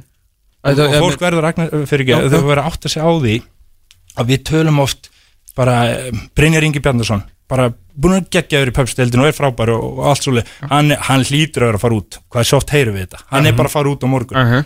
og ég vona, ég vildi að væri þannig. En vitið hvað eru margir jafnaldrar hans í Skandinavíu sem eru jafngóðir eða betri? Þeir eru ótiljandi Mhm. þannig við verðum að marka sitta vörun okkur og við verðum að hafa gögn til þess að hjálpa þeim þetta er bara líkilatri til þess að fótboltinu í Íslandi fái fjárströmi til þess að við getum haldið áfram að stækka til þess að verða betri í Evrópu. Þetta er bara svona ringur En af hverju er þetta ekki komið? Þú veist, hvað hefur stoppað okkur? uh, ég veit það ekki alveg. Uh, mentun klárlega, við höfum ekki tekið utan um þetta. Uh, peningar segja einhverjir, ég veit ekki hvort að það sé endilega rétt afsökun en að einhverju leiti en, en mannþekking klárlega. Og, og stu, við eigum ekkert að vera endilega að benda á eitthvað og dæmi eitthvað og vera eitthvað svona af hverju er þú ekki búin að gera þetta og hitt? Við verðum bara að grípa inn í núna og verðum að hjálpa stað. Og það er eins og Bjarkir að segja í, í þessu pósti, veist, hann bara kastar sér fram í, hann hefur eitthvað þekkingu og hann er tilbúin að deilinni og við verðum bara, við erum bara lítið íslenskt fótboltar við erum ógæslega lítil og alveg eins og ég sem þjálfari hugsa bara djöfull vona ég að Óla Krið gangi rosalega vel með Esbjörg og við þurfum á því að halda. Og svo framvegis og svo framvegis. Við verðum að hjálpa stað við erum ekkert eðlilega lítil eining í fótboltaheiminum. Við verðum, það er þetta fólk að agnúast og ég uppliða með þegar ég var úti núna Óskar Hrafn hérna sem er að reyna að gera eitthvað aðeins öðri sig og er, er náttúrulega bara eins og hann er og kannski er þetta út af því að hann var náttúrulega ógeðslega aggressífur sem sjónvarspöndit á sínum tíma en það var eins og allir var vona hann myndi gangi illa. Það er þannig, Eh, þetta, ég- er, þetta er Ísland. En þannig uppliði ég það. Já, það er ekki bara hárið töður og svo, svo er það bara, veist, hann gekk ekki alveg nægilega vel í byrjun og það var bara að byrja að skrifa maður þetta rekan. Ég, ég, við, við verðum að hætta þessu nú er ég kannski komin aðeins út fyrir efni Nei, nei, nei, ég- ég skil þig. Þannig en hvað með þig, Freysi? Hvað, hvað ert þú að fara að gera, gera næst? Nú ert þú laus og, og liður og ert að njóta þess að vera í fríi en, en hvað kemur næst? ég er ekki að njóta þess að það er frí Nú, Það, ég, ég fyrst að ég kann ekki að vera í fríi og, og hvað þá að, að hérna hvað þá þeirra þú veist, ég veit ekkert hvað ég er að fara að gera eftir mánu og veist, þá er maður ekkert ég, ég er með stóra fjölskyldu og, og er bara þannig að ég get ekkert setið kjur. En þú sagði rétt á hann og það er svo mikla trú á þessu þryggjamanna teimi sem að eru þið. Eru þið að selja ykkur þrýr? Til að Eh, byrja með? Já, nei, ekki til að byrja með, við erum bara opnir fyrir því að, að og viljum, ef það kemur eitthvað gott upp þá væri geggjað ef við gætum farið saman. Ok, því að, þú veist, Bjarki, þú sagði að hann hafi verið, hvað kallar hann, analista á hann eitthvað svo lesja okkur, hann var þetta er hans öðru sig og við vorum svolítið að vinna þetta eftir skandinavisku módulinu hann, hann, hann var sjár, klárlega að sá um sem analisti, hann var líka second assistant, þannig að hann var alltaf á æfingarsvæðinu, hann vissi nákvæmlega hvað var að gera og það hjálpar honum að matriða rétt gögn og svo þess og svo ég aðstofum maður heimis og ég hef mína kostu hann sína. Og við, það er draumur var geggja, við gætum haldið áfram saman en, en er ekkert, við erum, við erum ekkert vissur um það, það kemur bara í ljós og eh, þannig að við erum bæði að reyna það sem teimi og, svo erum við líka bara opnið fyrir því sem við getum gert sem einstaklingar og, og, og það er, við erum bara að skoða það sem er í bóði, þetta er erfiður markaður mjög erfiður. En eh, hvað vil ég gera? Ég, ég vil bara vinna í spennandi umhverfi. Mm. og það getur verið hvar sem er Vist, ég elska að vinna með metnaða fullu fólki. Fólki sem að svona, gefur mér orku hverjum degi við erum með eitthvað sín, eitthvað vision eitthvað, það er eitthvað kraftur, það er eitthvað í gangi og það, það er bara það sem að ég er að leita eftir í dag. Að, að svona eitthvað sem að lætu, eða svona reyfir hans um mér. En er ekki erfitt samt, þú veist, ef einhver uh, fyrir að alltaf svona brjótuði út úr þessu ef eitthvað myndi koma hérna upp hérna heima eitthvað á stærri klubunum, eitthvað gerist þar, býðið þér starfið en samt einhvern veginn heyrir maður að því að langir, langar alveg rosalega mikið að vinna áfram með þeim tveimur sko. Mm. þetta er svona, svona þetta er svona skrítin aðstæða að vera í þó hún sé náttúrulega góð og skemmtileg.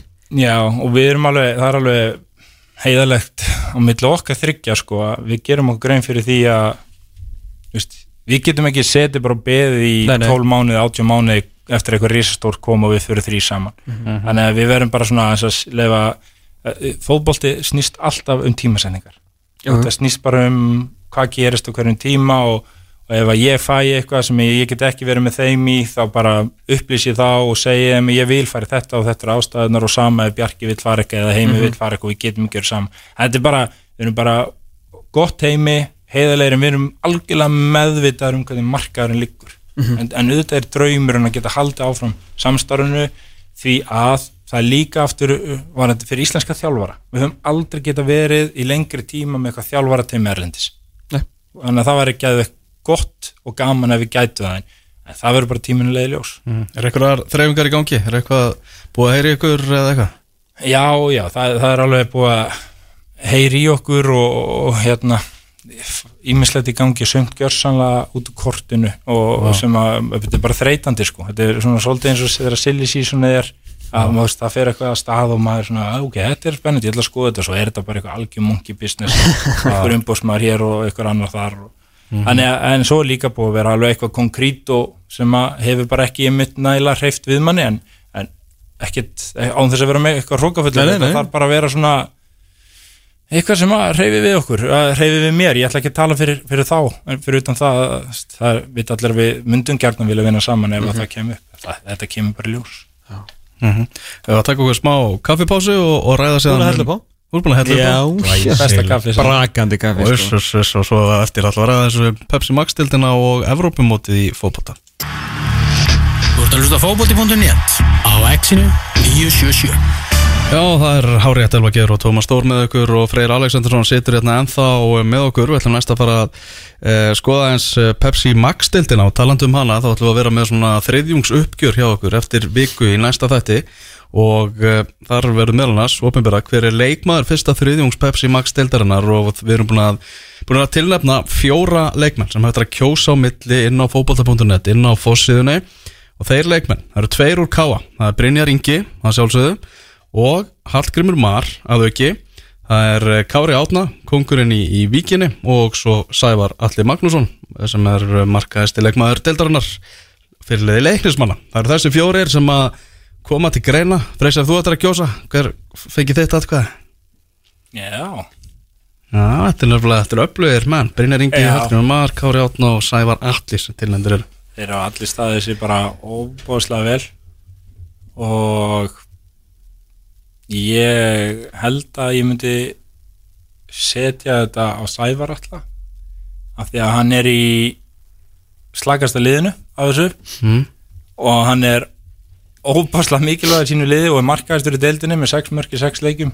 Þannig að ég setja á hann en ég meina þetta geta alveg verið bara allir, þú veist, það er bara allir búin að vera frábærir. Já, þetta er kostningin hafin og þetta er fárálega jafnt. Þetta er bara jafnasta kostning bara síðan við settum þetta á stað sko. Aha, Já, Alltaf einu rétt að sverið alltaf Kári Árnarsson sem er ekki bara besti leikmaður Víkings og Deltarinnar hendur líka alltaf besti leikmaðurinn í hinu liðinu. Af því að eins og þegar hann að spila mútið breyðabliki þá bara svona letan breyðablik spila þann fótbolta sem hendaði honum og svo dæmir hann líka leikina. Að mjög, hendur þetta hafa hann. Já, Kári er búin að vera alveg stórkostliður, man on a mission það er augljóst mál. Kannski er káamennir eitthvað að fara að tapa á því að þeir eru tveir tilnæmdir og, og akkurir splittast aðeins upp í átkvæðum sína Það er aldrei að vita. Já, já, en Hallgrímur og æðislegt að sjá Hallgrím koma svona tilbaka en hann var ekki góður í fyrra. Nei, en búin að vera alveg meiráttar. Ég hef alltaf verið gríðala gríðala hrifin af Hallgrími Mar og, og svo náttúrulega upprisa Brynjas, ég veit að hann var góður í fyrra en hann er búin að vera magnaður núna og, og frábæri í þessum landslíkum mm Hvernig er uh, svona,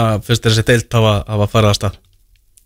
Þetta ráðmót þegar það er búið? Er þetta ekki bara svolítið eins og alltaf í mæ og auðvist upp að móts þetta er svona svolítið rokkandi upp og niður, gæðin ekkert frábær og svona um vanir í þú veist, það kemur ekkert óvart og ég er ekkert að dæma það heldur og svo er bara heimi Guðjón svona grænt út öll úrslitin.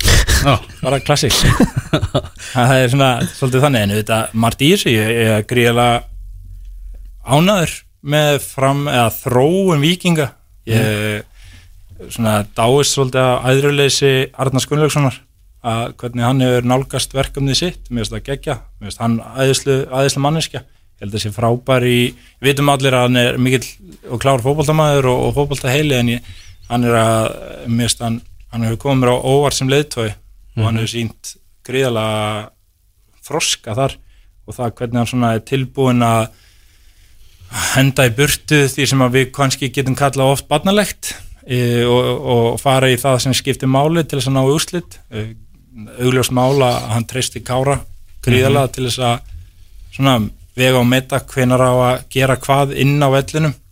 Og mér finnst það bara þessi balans óbúslega flottur. Ég, ég er bara svona, ég er mjög hrifin að þessu. Á samanskapi líka káa mm Veist, það það var mikið svona nýtt í Arna Gretarsson og, og leiðilegan fótbalti káa í fyrra. Og og ég skil það svo sem alveg en, en Arnar er óbærslega klár og vissi alveg hvað hann var að gera. Hann þurfti bara að ná í úslit og hætta leikin mörgum og byggja svo ofan á það og hann er að gera það. Búin að búa til ógæslega gott lið að þeir hann fyrir norðan. Bara gott lið. Og vel létu, þjálfað. hann létu með þessu umræðu sem þú ert að tala um bara ekkert fara í sig. Hann var aldrei eitthvað með einn svona að láta hann að pyrra sig eða neitt sko. Nei, Nei, og bara frekar svona sammálni ef eitthvað Já. var sko.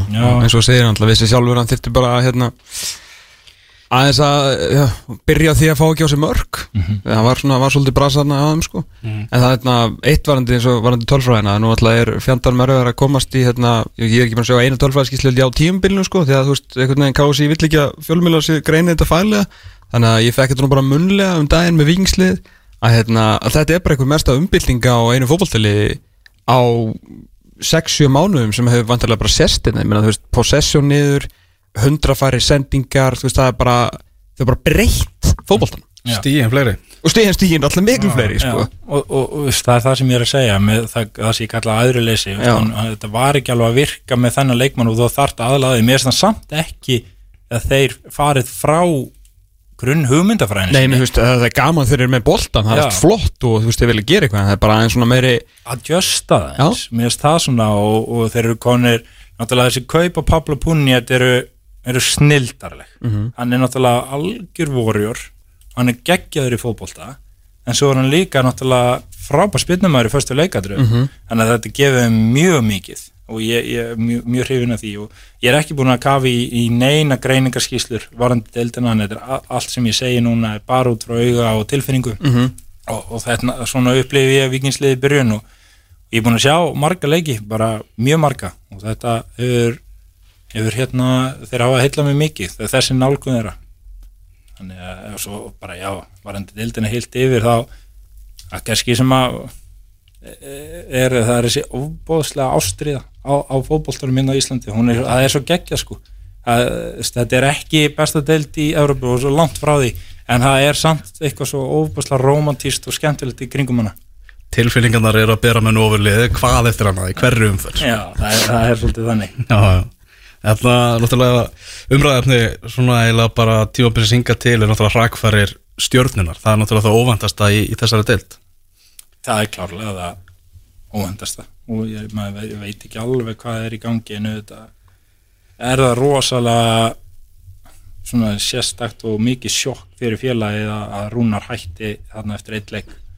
Og það eru alveg 100% eitthvað ástæður fyrir því sem að við höfum ekki hugmyndum og við getum fabulörað um eitthvað en eh, ég ætla ekki að taka þátt í því. En eina sem ég ætla að segja er að, að þetta hefur miklu miklu meira áhrif heldur en maður getur rauninni sett fingur á. Þetta er sjokk þegar svona gerist. Því að Rúnar er búin að vera ofbúslega lengi að þarna tengdi félagin á allan hátt. Og, og framist að þeirra hefur verið heilt yfir ekki góð, það koma alveg samt kablar sem eru góðir en, en þeir eru bara mér sem er svo oft í þessum bolta, sérstaklega hérna heima, það er þetta momentum, þeir eru með ræðilegt momentum með sér, en þeir eru ekkit og seinir að snúa því langt frá því. Nei, þeir eru ekki einu svona neðstur og ekki einu fótballtaleik sko. Og þeir hafa karaktera þeir hafa leikmenn þeir hafa bakland í að snúa þessu momenti alveg klárlega. Það leikur á mánudagskvöld í Pöfsibakstildina, það er Valur Víkingur. Flottu, völlur, flottu leikur á, á flottum velli, Oriko vellinum. Hvernig líst þér á, á það inn við fáum við aðeins svona til að rýna það. Það er bara ótrúlega spennandi verkefni að sjá hérna þetta sterka valsli sem að bara er eins og góðu traktor bara fer, fer sína leiði yfir yfir allar drulluna og ekkert vesen og, og, og klára sín verk. En hafa náttúrulega mikil gæði inn í hópnum og, og svo þetta vikingslið sem hefur verið mjög öflugt. Þannig að að þetta verður bara hörku, hörku fótballalegur á, á góðu gerfugrasi á, á frábæna velli. Nei, ég, ég rekna með því að þetta verði jafn og spennandi leikur sem valur vinnur. Mm bara eins og, svo flesti leikir sem Valur spilar. Já, Já, eiga náttúrulega sæðan inni menn eins og Tryggvar Rafn og Arnús Mára sem er bara ekkert byrjaðar, byrjaðar mótið sko. Nei, nei, og þeir náttúrulega, það- fólk hefur talað um og eðlilega hvað eru með stóran hóp. Eh, þeir eru að fara náttúrulega inn í Európaverkefni sem þeir alltaf sér stóra hluti. Eh, þeir eru að- væntanlega meðvitaður um það að, að þeir eru ferð inn í svona mót þá þarfstu bara að geta farið inn í mótið og mist fjóra leikmenn án þess að finna fyrir því í lengri tíma. Og þeir eru með þannig mannskap. Og náttúrulega út af sambandsdeildina ef að þeir fari í gegnum fyrstum fyrir í Champions League sem er reyndar alveg mjög, orðið mjög erfitt fyrir íslensku liðina veist, hvað endur þetta þá í átta leikin fyrir það? Já. þessi átta örbuleikir sem þeir fari í út af hérna, sambandsdeildinni. Þannig að það er kannski svona betra það, það spilað mjög þétt þegar Európan fer af stað sko, þú veist, Európa-leikinir eru bara að koma þykkan fest í hverju viku og Já. það verður ekki hægt að ég held að verður ekki hægt að fresta alltaf fyrir þá, þetta er náttúrulega KSI svona eftir mikið svona eðlert kvart og kvein frá þjálfurinn í gegnum tíðina. Þá hefur þetta verið þannig að liðunum hefur verið gefin slagi eða sérst við verið að hjálpa þeim í Európu með að gefa þeim sérst pásu í deildinni. En það er kannski ekki alveg hægt til að eh, já, ef að Valur ætla að fara ef að segja alla leið eins langt og það nær sko. Að þá, vonandi gerist það. Já, og vonandi hefur og mótadeildin möguleika á það að hjálpa en það er mjög eins mikið hægt er eins mikið hættir en eins og þú segir þegar þetta eru konið áttaleiki þá er, það- verður það sennilega mjög erfitt. En, en ég vona við getum hjálpa liðunum í Europakjöfninu eins mikið og kostir er á. Og við þurfum svo sannlega að eh, halda því að það er búið að gefa út 22-23 koefficient stíðin og þar eru við ennþá í 50 öðru sæti og þar viljum við ekki vera. Nei, þar eru við með tvölið í sambandsdeildinni og Já, og við, við þurfum bara að fara að setja upp plan núna. Hægt að horfa í, í næsta árs skjál við þurfum að setja upp fimm ára plan Já. til þess að vinna okkur hægt og róla upp þennan lista og það þarf að vera bara svolítið sameilegt átak allra til þess að laga þetta. Já, og bara fótboltinn sem, sem held sko. Hvað er þetta komið núna? Herra, Þetta er EM Evrópumótið. Herru, er ekkert fyndið að hérna nú er búið að hérna þú ert að fara að vinna á EM Ég er að fara að vinna með já, þú ert að fara að vinna á EM. Ég er að fara að vi- vera ég nenni ekki að vera bara heima. Nei, og ég er að fara þannig að þú ert að fara að taka 12 tíma vaktir og stöðu sport núna? Sérfræðingur í setti. Já, Já, Já, já, ég er hérna, að heldur reyndar að væri á samning hjá mér en það er allt, í- læg, Það skilur er sumafrí hjá okkur. Það er þetta rétt, það er rétt. Ég glemt að byggja um leifi Herru, ég er svolítið gaman að þessu. Þú hérna sem sagt uh, komst okkur ekki á EM skilur við, það bara fóru svo það fóru, allt í lagi við erum komin yfir þetta. Já, já, ok, gott. Erum við satt komin yfir þetta? Nei, svo er náttúrulega EM að koma Já. og maður er svona, herru, já, það er EM, já, Ísland er ekki. Og maðurinn sem að átt að koma okkur ángað Alltaf sér hann verið í sjónvarpinu á hverjum degi að minna okkur á þetta. Akkurat. Ég, ég sagði, ég, ég og Aron rættum þetta úti. Það sem að gera í sumar og við að við erum, ég er ekki að fara að horfa einu svona á og kemur fyrringurinn og maður er náttúrulega búin að vinna rosalega í sjálfum sér og kjarna sig eins og þú segir, ég er komin yfir þetta. Og, og svo er það bara eins og ég sagði ykkur aðeins, ég á bara óbærslega erfitt með að að vera í fríi. Og með, þegar þeir töluðu við mig og, og sagðu mig hvernig er alltaf að gera þetta, það var bara fínt fínt að taka nokkra vaktir. Já, já. Þetta er líka allan að jóka áhuga minn til munna að vita að þér og Óla þarna sko. Já, já, við að, hérna- reynum að gera eins gott sjónvarp og mögulegt er. Já, Óli Kristjáns líka? Já, já, hérna var að heyra það. Ég kannski er ég að skúpa þessi fara og ég og óþægileg stundum að vita svona mikið. Þú veist þú mikið, en, en ég, ég talaði við Erik Stefán og spurði hann að því er það lægi ef þetta fyrir lofti? Og það var í góðu lægi Já, flott, flott, þá er þetta allan að staðfesta það Freyja Alessindarsson og Ólafur Helgi Kristjánsson eru lead pundits á skipta með sér dögunum. Já, við verðum nú eitthvað saman líka. Ok, en þeir eru ekki EM í dag ef við skildur rétt. Þeir eru allan daginn. Um, Takið alla leikina svona. Já, já, já, við, veist, já, við tökum vaktirnar en það er, það er e, fundur á þriðutan Nó, já, já, það farið betur auðvitað. Ég kannski sé bara um að stýra minni sem Já, ég held það. Að hérna, hérna, já, ég, hérna, en ég er samt alveg sammála því að svona, það eru svona tvær vikur síðan mér var absolutt drull. Alveg sama sko.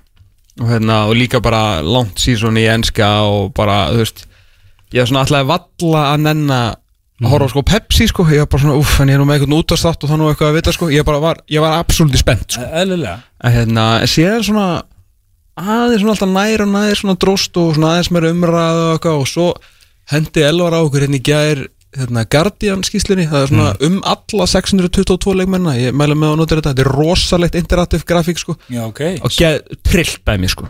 Senduðu linkina þér. Já, rosalegt sko. Og hérna há er ég svona, herra ok, ég, ég er klár. Já, Já, og svo ég myndi hérna, sem maður sagt að þér og Óla og ég er svona, að ég, og ég hef ekkert að gera í júni sko. Já. en ég er að pæli að fara bara á lein sko.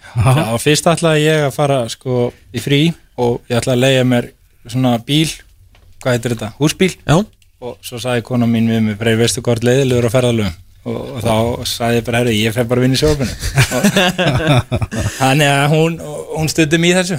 Ég, og ég er alveg sammálega sem þú segir að einhvern veginn þegar móti nálgast þetta er, þetta er EM er bara eitthvað sérstakt og þá verður maður svo spenntur og svo þegar núna þegar ég byrjar að kafi öll liðin aftur og, og skoða þetta þá bara kemur þýðringurinn og, og bara laka mikið til sko. En hvað ertu, fyrir hverju ertu spenntastur á EM Allstar?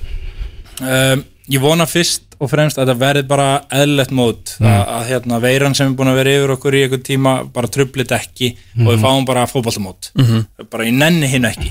Uh, svo er ég bara mjög hef eitthvað óbærslega sterkar tilfinningu að við séum fara að sjá eitthvað svona underdog fairy tale eitthvað starf, ég bara veit ekki alveg hvar en það helgast aðeins út af það er búið að vera svo taktlaust í þessum landsliðum síðustu, á, síðustu mánuði Já. og ég vil ár og, og það, það er þessi, það vantar einhvern rithma í þau öll og það er tækifæri fyrir einhver, einhvern underdog að gera eitthvað og þá náttúrulega hallast ég aðeins að dönunum. Ég, ég er með ég veit mikið og fylgist mikið með danska fótboltanum og vona þeim gangi vel.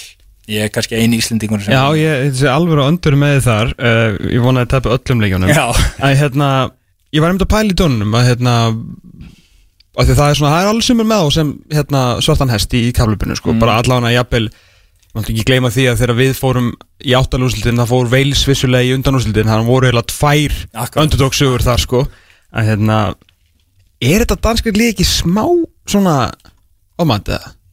Eð, nú er það að gerast í Danmörku sko, að þeir eru farnir sem sé danska pressan og fólki þar er farið að setja það bara í flokk með Portugal Já, og það er Frökkum mitt. og þeir eru Það er svo danskt, sko. þannig að þetta getur alveg sprungið allir það þeir, þeir eru glemdu því að nýta bara underdog effekti sko. Já, já.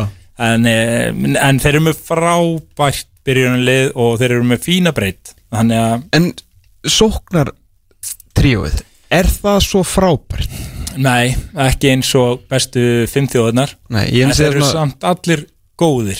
Og klókir og þetta snýst aftur um að ná við þekkjum það nú best bara frá 16 að ná smá moment Einmitt, með sér og ná, ég bara ég trúi þessi góð stemningin í hópnum ég er svona góða vörð, geggja Já, markmann akkurat. flotta miðju og spila mjög svona já, skýran fótbolta, vita nákvæmlega hvað er ætla að gera og hvernig og Þeir eru aðeins skemmtilegri núna, þú veist, ef við kvöllum skemmtilegri, ég meina Júlmann er aðeins svona hann var alltaf ráðinn til þess að taka aðeins út úr svona fornanda fótboltanum sem er enda að skila þeim frá bara með árangri sko. um árangri hjá OG en, en, en ég held að Kasper er þið miklu hrókafylliri en hann hefur verið með landslið hann er átt að sjálfa á því að þetta er result business og hann er mjög skýra filósofíu hún er góð og það er oft mjög flott í þeim en hann er ekki að fara fram úr sér. Þetta er, þetta er alveg, hann er alveg með hann er spot on með þetta Er ekki miklu meiri líku líka veist, sörklum tilbaka bara í hérna, talandum data analys og bara veist, hvað það skiptir miklu máli að vera fitt og veist, hitt á réttan dag og allt það.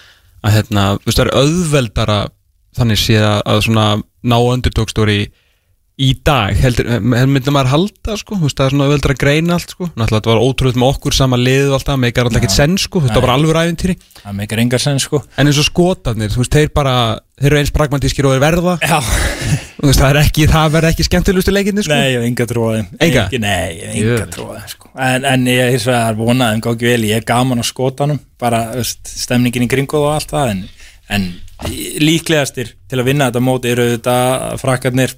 Portugal Alltaf spátt Ég hef ekki góð tilfinningu verið þjóður Nei, því. Það? Ég hef ekki heldur góða tilfinningur í spáður um einhverju Nei eitthvað sem tröfla mig við á sko ég er, ég er alveg sammálaðir þar en spátn er spátn og ég bara svona hef alltaf trúað þeim en, en líklegastir eru frakkur belgar fyrir mér. Já. Belgar verða að fara að vinna mót sko. Þeir eru með allt og gott lið og þessi gæjar eru að verða aðeins eldri sko. Mistur ekki að glugga um 2018 eða? Jú, þeir, þeir Þetta þetta það, er síðasti séns Það, fyrir, þessa Já. þetta er síðasti sjensi sko. Minnir að Aldi Veireld og, og Vertongen til dæmis í 32 og 34 einmitt, þannig að þetta er, svona, þetta er síðasti sjensi sko. Mhm. Englendingar fá náttúrulega enn meira aðtekli núna frá okkur Íslandingum fyrst að við erum ekki sjálfur með á, á, á mótinu Þá er aftur áttin okkar lið Já. Já, það er eiginlega þannig umfyllurinn eiginlega bara svona eins og þessi okkar lið uh, Hvernig líst þér á ennska lið? Er þeir eitthvað að fara að gera á þessu móti?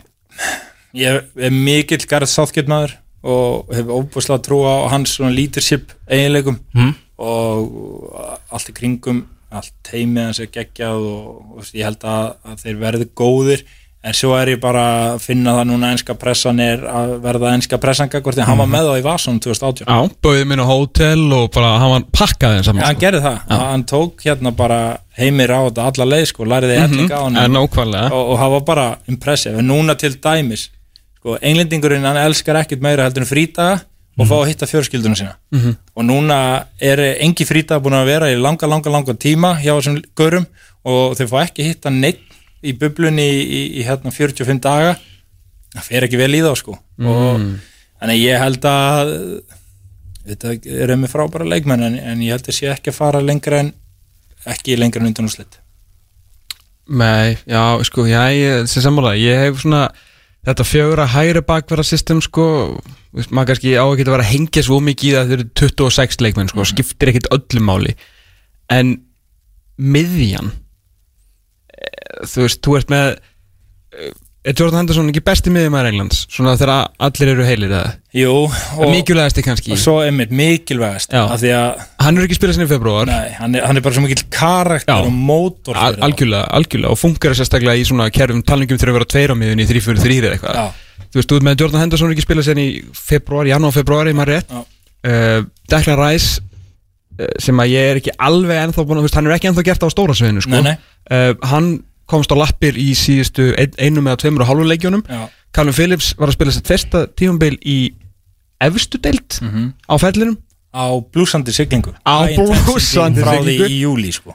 og hver var hérna síðan, og Jude Bellingham var að fermast Já. þó hann sé hæfileikar ykkur sko. svo er með Mason Mount og Phil Foden sem geta líka spila ef þeir eru með þryggja manna miðu já, Þannig að ég er sammála áhyggjunum með miðsvæði sko út af því að Declan Rice hefur ekki sínt neitt og Jordan Henderson þarf að vera í lagi þannig að það er svolítið svona og, og svo er Ryan Sterling sem hefur verið mjög mikilvæg fyrir ennska landsliði hefur bara verið lélugur på síkasti en tristur þeim í tveggjaman í 3-4-3 Nei, ég, ég, ég held að þeir fara ekki langt að þeir fara í það og með sýnist hann vera að fara þeir náttúrulega spiluðu 3-4, 3-5, 2 Já, já, svona með- á, á HM já, og það er tendensi á okkur þjálfurunum að detti það sem að virkaði áður. Já, þekki þetta, það þetta ekki og hérna Fýra, fýra, ég gæti trúi trúa því að, að þeir endi þar og ég er ekki vissum að þeir hafi liðið í það núna Nei, ég myndi alveg treysta skilur Declan Rice og Callum Phillips með Mason Mountain í fram skilur, þá er ég strax svona, ég er rólir í tíðinni sko. Mhm. en það byggist þó líka því að þú ert með tvo hafsenda að vera með Harma Gwær Já, þannig að þetta er svona ég með smá svona, smá bifur á, á mínu sko. Já mann Harry og, og Jordan eru líkil menn fyrir liðið bæði sem fótboltamenn og líka sem leðtvar og að Harry Maguire og, Jordan Henderson eru hvori er fitt, það gæti alveg verið vesen sko. Já, já, sammála, sammála. Ítalija Tyrkland, það er opnuleikurinn sem verður á föstudagskvöld, þannig að þegar við verðum með þetta viku. Þá verður Evropamótið farið að stað þegar við fáum góðan gesta næsta lögadag til, að- Heldur betur. til að rýna vel í, í þetta mót. Já, sjálfur Guðmundur Benediktsson, Guðmundur Ben Það er að kíkja hérna á okkur og spjalla við okkur aðeins meir um, um EM hann verður með mér í því Gummi verður hana. Það er rétt. Hann er í öllu. Hann Hann er algjörlega í allir Eru Freyr bara frábært að fá þig? já, bara gaman að sjá okkur aftur. Já, gaman að segja þig. Hvað var að fara að gera núna í regningunni? ég er að fara í fermingu. Það er ferming já, að fermingaveisla hjá, hjá hérna Gunnar Jarli. Uss, uss, uss.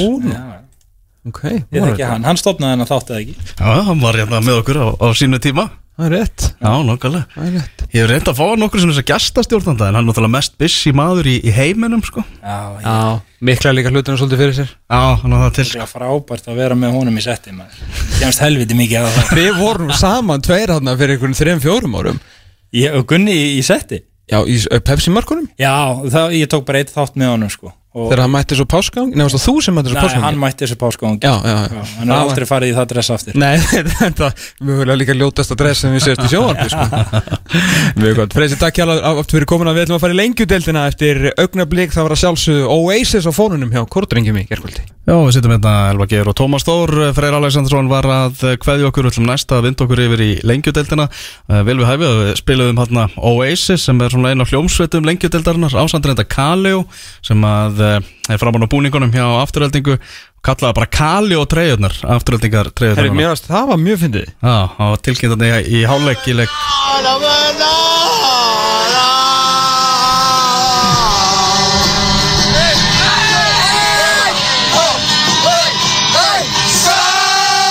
Hérna er í rútunni hjá Kortrengjum Virtu stíð í gær. Förum í rútunni hjá Kortrengjum hérna rétt á eftir. Byrjum í Mórsesbænum þar sem að afturhaldning og fjölnir gerðu 2-2 jafntefli í svakalugum leik alveg hádramatískum fótboltaleik. Uh, afturhaldning komst í 2-0 og voru bara með þetta og við rættum það í stöðinu 2-0 þá bara Heyrðu, bara fjölnir hefur ekki trúa því að þeir sé að fara að fá nokkuð út úr þessum fótballtaleik sko. Nei, sko talandi um að því vorum að tala um hérna, og Freysi var að tala um vikingslið á hana hérna, svona að justa fyrir ungan þjálfara og hérna, það er svo sem ekkit launungum mála hérna, við erum gríðarlega miklir vinir uh, þjálfara afturheldingar og kannski komist ekkit hjá því eftir að hafa unnið með honum í að eitthvað, eitthvað á annan áratug sko. að, hérna, en það verður sem að segja að Maggi er hrikalega spennandi þjálfari rosalega að því að við horfum náttúrulega erum búin að horfa á hann hérna að vera að þróa hennan Maggi ból og svona hvað þetta var svona létt og skemmtilegt í fyrra og er, getur alveg verið það. En þann síndi fannst mér í þessum leik uh, bara gríðarlega mikla og góða uh, bara hæfileika sem, sem þjálfari því að hann bara bara bakkaði, bara að fara upp á móti liði sem ég sagði bara í síðasta þetta að vera að fara upp með, hérna, fram, með framörunum uh, ríkala flottu, velmönnuðu og hérna liði með góða varnamenn, góða markmann fullt af ungum og sprækum strákum bara hæfileikar ykkar fram á við eru Maggi bara lagðist hann tilbaka, fó bara í lága blokk bara í lágpressu, reynda að beita skyndisóknum og það bara svínvirkaði Fjölnir lítið sem ekkert að skapa sér. Afturhelding bara læsti fyrir markið, bara algjörlega lokaði, skoraði hérna mark eftir mistök, nýtti sér með góðri pressu hérna mistök í vörnunni, Alessundur Freyr Sindrason með tvöföld mistök í einu, tveir fyrir einn og, og þeir skora. Uh, og síðan bara eftir fast leikadri 2-0 og þrátt fyrir að þetta var svona eins og íslenska landsliði sko, þrátt fyrir að fjölnið var öruglega svona 65% með boltan að þá var þessi 2-0 staða fyllilega sangjöld því að afturhelding var bara styrðið þessu leik með vörninni sko. Það er bara þannig, en á 8050 mínúti þá gerðist uh, þetta hérna. 85 á klukkuna, Jón Átni eitt langan. Tíminn er ekki besti vinnu fjölnis. Hérna getur verið tækifæri fyrir fjölnismenn. Jájá, Aron Eli, eins og ég segi, hann er bara kongur í ríkið sinu hann Sjáu hennan gæja. Þetta er bara morgumatur fyrir fyrirliðan En, en þetta var eins og það er ekki góð sending. Ég hósa hann það svo mikið. Og hér er bara hörkufæri. Og hann steinleikur. Þetta er galopið leikur núna. Afturlík 2, fjölnir 1 Þetta var nefnilega bara sagan. Ég held að séu Ég held að séu tvær mínútur frá því að ég lít á þig og segi Elvar, af hverju í andskotanum er fjölnir alltaf að pinga boltanum yfir til hægri að reyna að sækja á Aron Eli sem var með allt í teskið. Hann var lang besti leikmaður vallarins og það skipti engum móli hvort að sko Dofri kom einn eða þau komu tveir eða þrýr hann bara lokaði vinstra svæðinu hjá sér sem hérna vinstri bakurinn og fyrirli afturhaldingar og eins og heyra má hann er kongurinn, hérna, hann er kongurinn en síðan kom aðeins svo mikið töffar upp í honum fáránleg sending inn á miðuna sem að Sigurbald Melberg næri og leggur hann í gegn og þeir, þeir skora sko. Aron var allt og kokki hann allt og Hann var kokki meðvitar um það hversu Hann bara hugsa, herra, allt að ganga upp hjá mér í mér, leik ef þú horfið á þetta Ah. á og hérna útsendingunni þá sjáuð hann aðeins stilla rassinum. Hann er svo ánægð með sálan sig sko. Ah. að hérna, hann hafði smá mistök þetta hjá fyrirleganum en samt sem áður, ekki skaðin ekki meira heldur en 2-1 er síðan fáður náttúrulega þessa vítaspilnu sem allt verður vittlust af. Já, við sögum báður á sama tíma víti á, stúku á, algjörlega, þú veist, e, íst, þú veist þetta mark, þú veist, þetta er bara leikbreytirinn að fá þetta mark 2-1 markið á sig. Já. því afturhalding, það var ræ, ræðsla sem greip um sig fljótur að fara að skjálfa. Hafi ekki verið í þessari stöðu áður? Já, akkurat Og fá síðan, já, þetta, þetta víti á sig og það var hérna sparkað í, í ruslatunnur og ég veit ekki hvað og hvað þarna fyrir, fyrir aftan okkur. Við hugsaðum, já, báðir, já, þetta er víti, þetta er víti. Erfitt að sjá þetta frá þessu sjónarhóttni sem að búið upp á, á kamerunni. Og ég fekk nú bara alþjóðlegan dómara með alþjóðlega reynslu til, að til að skoða þetta. Og hann sagði, ok, það er ekki hægt að meta það algjörlega hvort þessi víti eða ekki á þessari upptöku en dómarinn er betur staðsettur heldur en kameran Guðgjur Einarsson sem dæmdi. Já, hann dæmdi víti, sagði hann segir að aðstofadómararnir hafi talið að þetta væri ekki víti en Guðger var algjörlega fastur á því að þetta væri vítaspinna og í langt bestu aðstöðunni? Langbæst aðstöðunni og ok, umdeildur dómur, klárlega. Uh, hvort hann var réttur eða rangur það er bara, það er ekki hægt að sanna. Nei. Uh, allavega vítaspinna dæmt þeir jafna 2-2 síðan eftir þetta þá verður allt trillt aðna hinn á vellinum þvílikar stimpingar og, og ríði læti. rólega samt. Já, Svo kom bara svona, kom einhver smá, hérna, smá nesti og allt fór í bál og brandam sko. Já. Það var, það var bara þannig og, þarna, og ímsa sögur sem hafa gengið þarna um, um hverjir hafa átt í, átt í hlut. Mjög finnar. Mjög fyndnar ég, ég talaði við Baldur Sigursson fyrir þáttinn. Já. Heyrði hans í, í honum þar sem að hann náttúrulega var fyrir eftir það að hann hefði verið tekin hálstæki og fekk bara lýsingu hjá, hjá honum þá uh, hans segir bara ég stóð sultuslagur að spjalla við menn þegar varamarkurinn hjá afturöldingu brjálaðist. Ég fór því inn í þvöguna til að reyna að stíja menn í sundur. Þá kom gæslumadurinn og kifti mér út með þessu hálstæki þegar hann hefði betur tekið markmannin sem var einu maður sem þurfti að stoppa. Sem fekk raukt Já, þú veist, við þekkjum náttúrulega Baldur og hann var bara mættur hann til að róa Já. og þá kemur alltaf einhver gæslumadur og þau grípur um Baldur sko. en hann sagði síðan menn rætti svo saman eftir leik og allir voru rólegir. Það var engin dramatík, þú veist, þetta var bara klárað þarna, þetta eru keppnismenn Já, og, og vissulega læti voru dýrmæð stig í húfi þarna. En já, þetta var, þetta var einn með öllu, þessi fótballtalegur sko. Eh, Þú veist frábæran hambúrgara, það er sultaður rauðleikur í bóði á hérna Kaliðaborgarnum Já, við kjöptum kúluboka og Þú veist þér húu í afturhelding Megastor Já, sem var búin að vera óperið, við vorum gestir nummer 5 Ákvæmlega, þetta var, þetta var geggjust uh, skemmtun og aðeins þetta fótballtæðiskunar frábærar meðan það var þetta rock í Grindavík sko.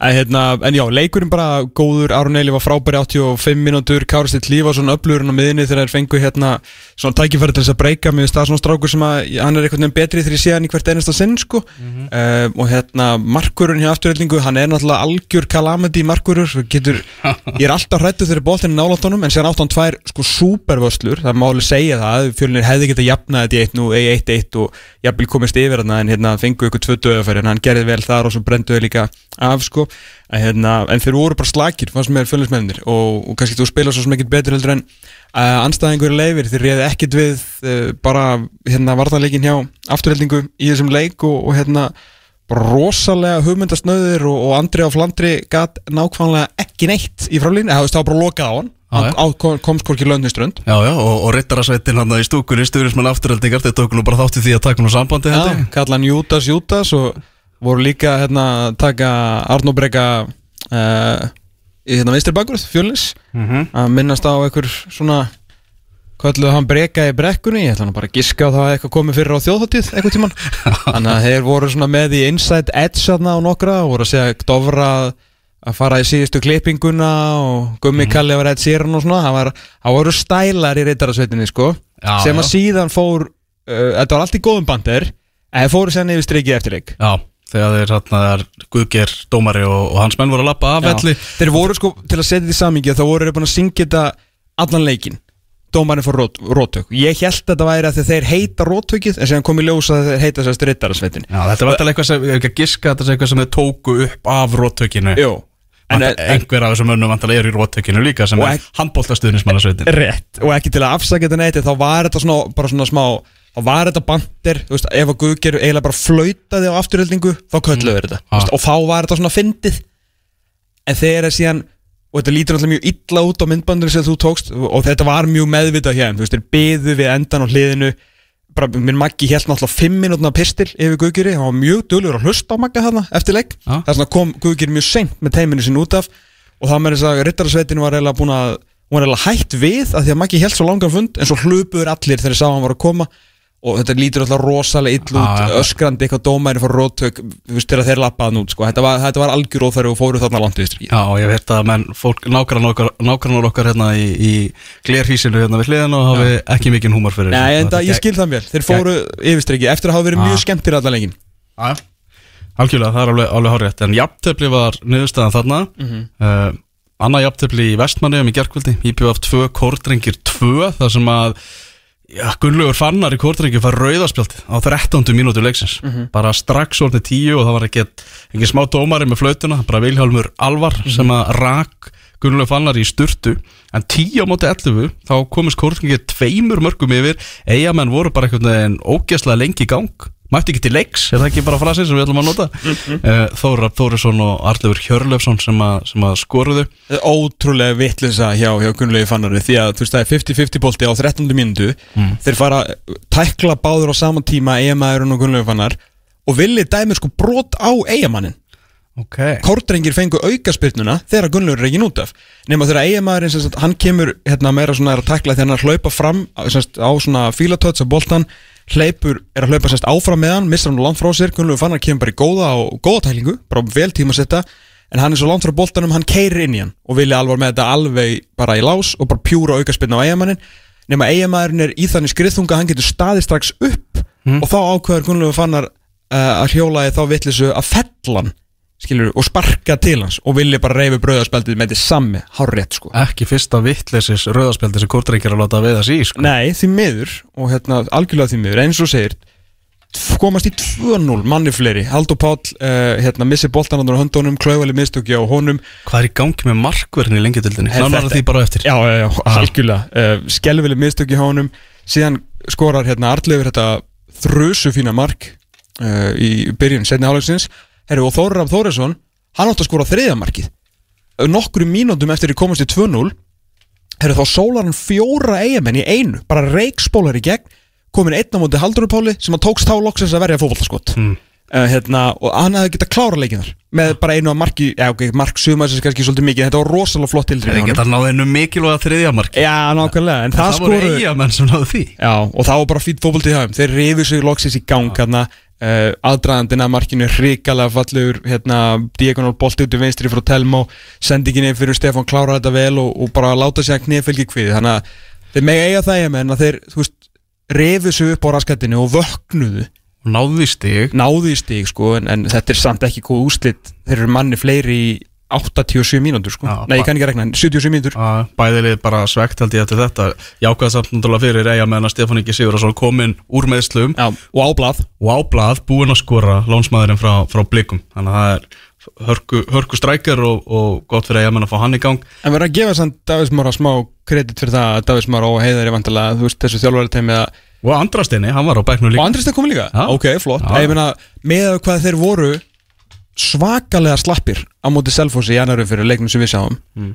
uh, að þá hafa þeir sko rullað inn stígunum eftir það og þetta var gríðarlega bara flott framistæða hjá þeim eins og til þess að endur tekja þetta. Manni færri í Vestmanniðum komast tvönu lifir og sleppa samt með stík sko. Já, og letu gleðina síðan vera ríkjandi í rútunni og, og leðinu heim. Að sjálfsögðu. Að sjálfsög, það, það er bara þannig Herðu, aðri leikir sem að voru í þessari umferð Grindavík vinnur 1-0 sigur á móti selfisingum talandi um markverði, hvað var Stefán að gera? Stefán Þór Ákusson, markverður selfisingar að byrja þetta mót herfilega hann er búin að gefa mark held í hverjum leik við sáum hann í þessum umtala leikum út í kortringjum oh. einn slagasta tilvæm til markværslu sem ég sé þar sko, en þetta hjá báðu markvörum hvað ætlaði hann að gera? ætlaði hann að stíga á boltan eða? þegar Aron á þetta skot svona í, að- bara svona í áttað markinu. Þetta var skelvilegt Skelvilegt að Aron Jóhansson með eina marki í leiknum og grindvikingar þeir eru svona að kreista fram úslit já, sem er bara stert stert fyrir þá en, en skelvilegt fyrir selfisinga að þú veist, fá þó ekki fleiri mörg á sig en þetta eina og það sé svona marg sko. Það, þetta er bara, þetta er ekki báðlegt Já, á byrjunum hjá selfisingum vissulega nýliðar í deildin og allt þannig en þegar þú ert að sækja Gary Martin og ert með Tókits frammi og, og, og fleiri öfluga leikmenn þá bara á uppskelna að vera betri. Þetta er bara vond byrjun hjá selfisingum já, sammála, það er líka allir þessi stærri hluti heldur, heldur að fólk svona var að gefa hann kredit fyrir sko. Já, það er nefnilega þannig. Og Gary Martin er ekki ennþá búin að skora? Nei, hann er komið, náttúrulega var í viðtalið þarna og sagði bara ég er hættur að vera sóknarmæður áhugaverð pæling hjá hann Já, nokkulega En það er verið að býja náttúrulega eftir því hann þarf að, þarf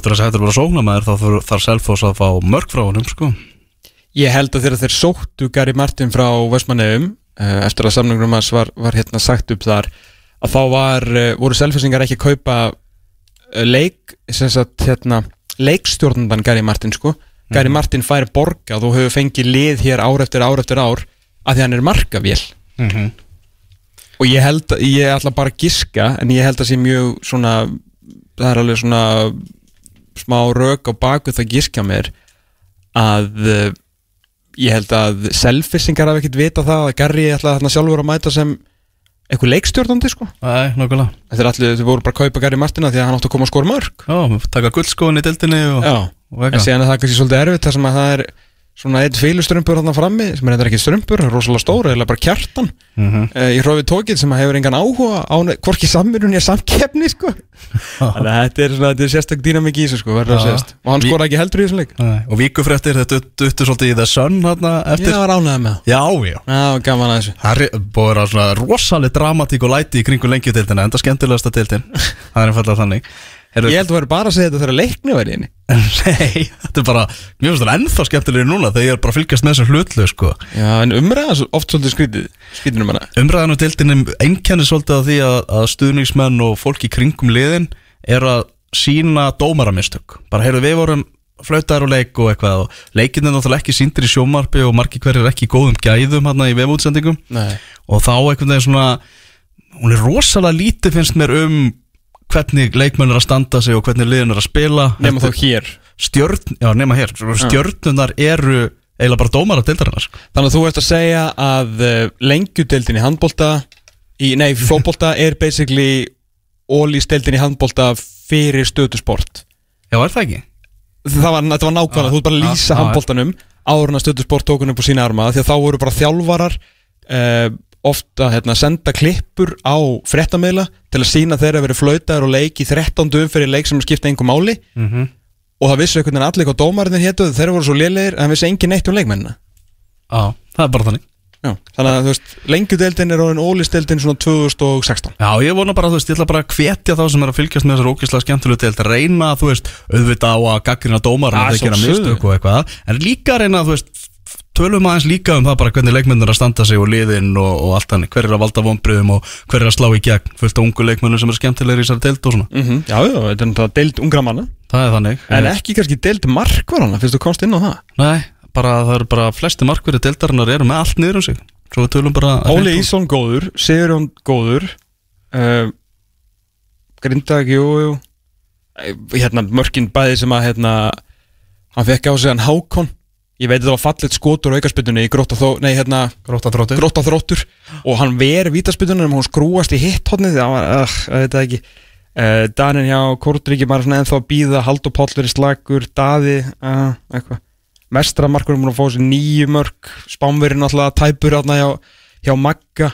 Uh, Lalis búin að fá sér 11 og hann er góðu markmaður sko. en náttúrulega kannski liðið ekkert sérstaklega gott. Stefán ekkert getað.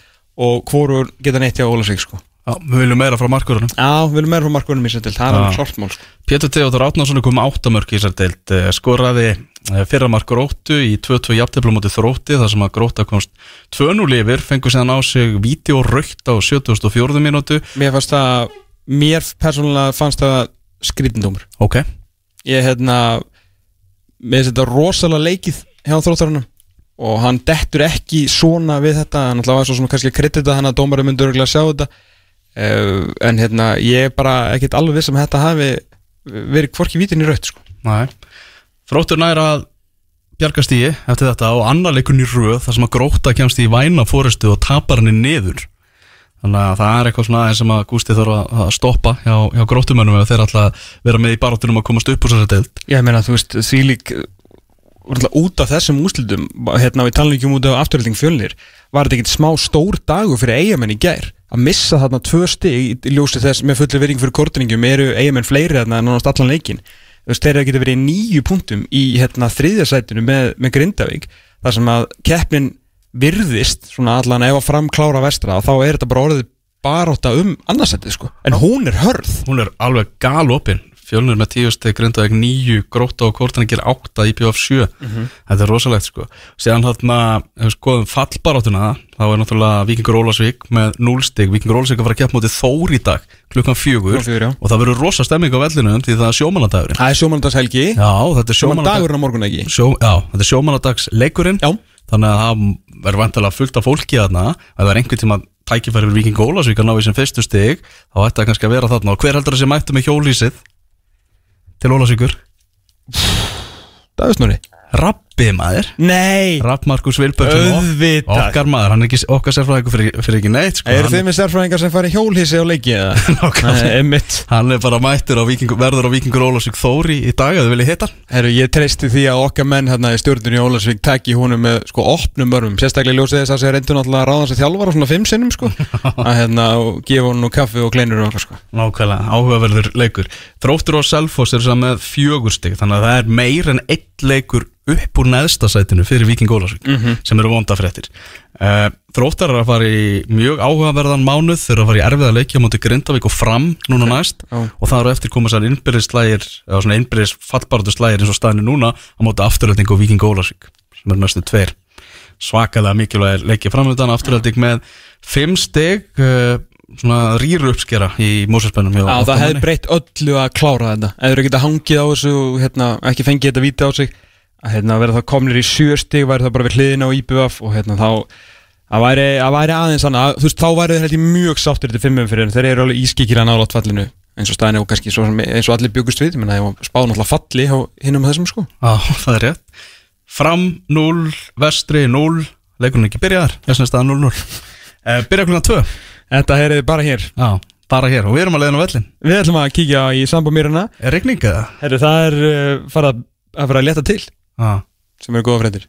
Við kannski tökum með okkur smá pappir til að þurka sætin.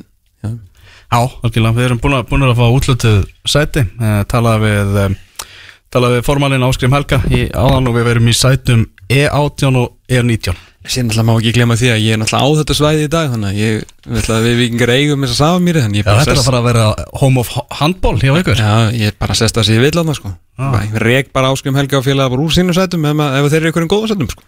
Já, frábær lengjudeildin og þetta maður sjá sjálfsög áfram að fylgjast henni ansi grant í þessum þetti Heldur betur, uh, frábær þáttur að baki Freyr Alexandersson satt þetta með okkur í klukkutíma eða svo hann veit ekki alveg hvað hann ætlar að fara að gera næst en hann vonast til þess að eh, Heimir Freysi og Bjarki Mára Ólafsson þetta verði áframhaldandi teimi og saman getur þeir fara að þjálfa ykkur staðar sem er verulega spennandi að vera með Íslands teimi ykkur alveg deild. Uh, fórum síðan uh, við, við landslíkin hérna í byrjun þáttar og tókum, vorum að klára núna lengju uppgjör. Það held ég í næsta þætti eina sem við vitum er að hann verður líka frábær því að Gummi Ben sjálfur ætlar að mæta og fara með okkur grundigt yfir EM allstaðar mm. Svo eru þriðjungsuppgjör Pepsi Max um, Þriðjungsuppgjör Pepsi Max deildarinnar. þriðjungs uppgjör Pepsi Max deildarinnar og takk, takk, takk. Og EM með Gummi Ben eftir 6 daga og 22 tíma. Þangað til, verðið sæl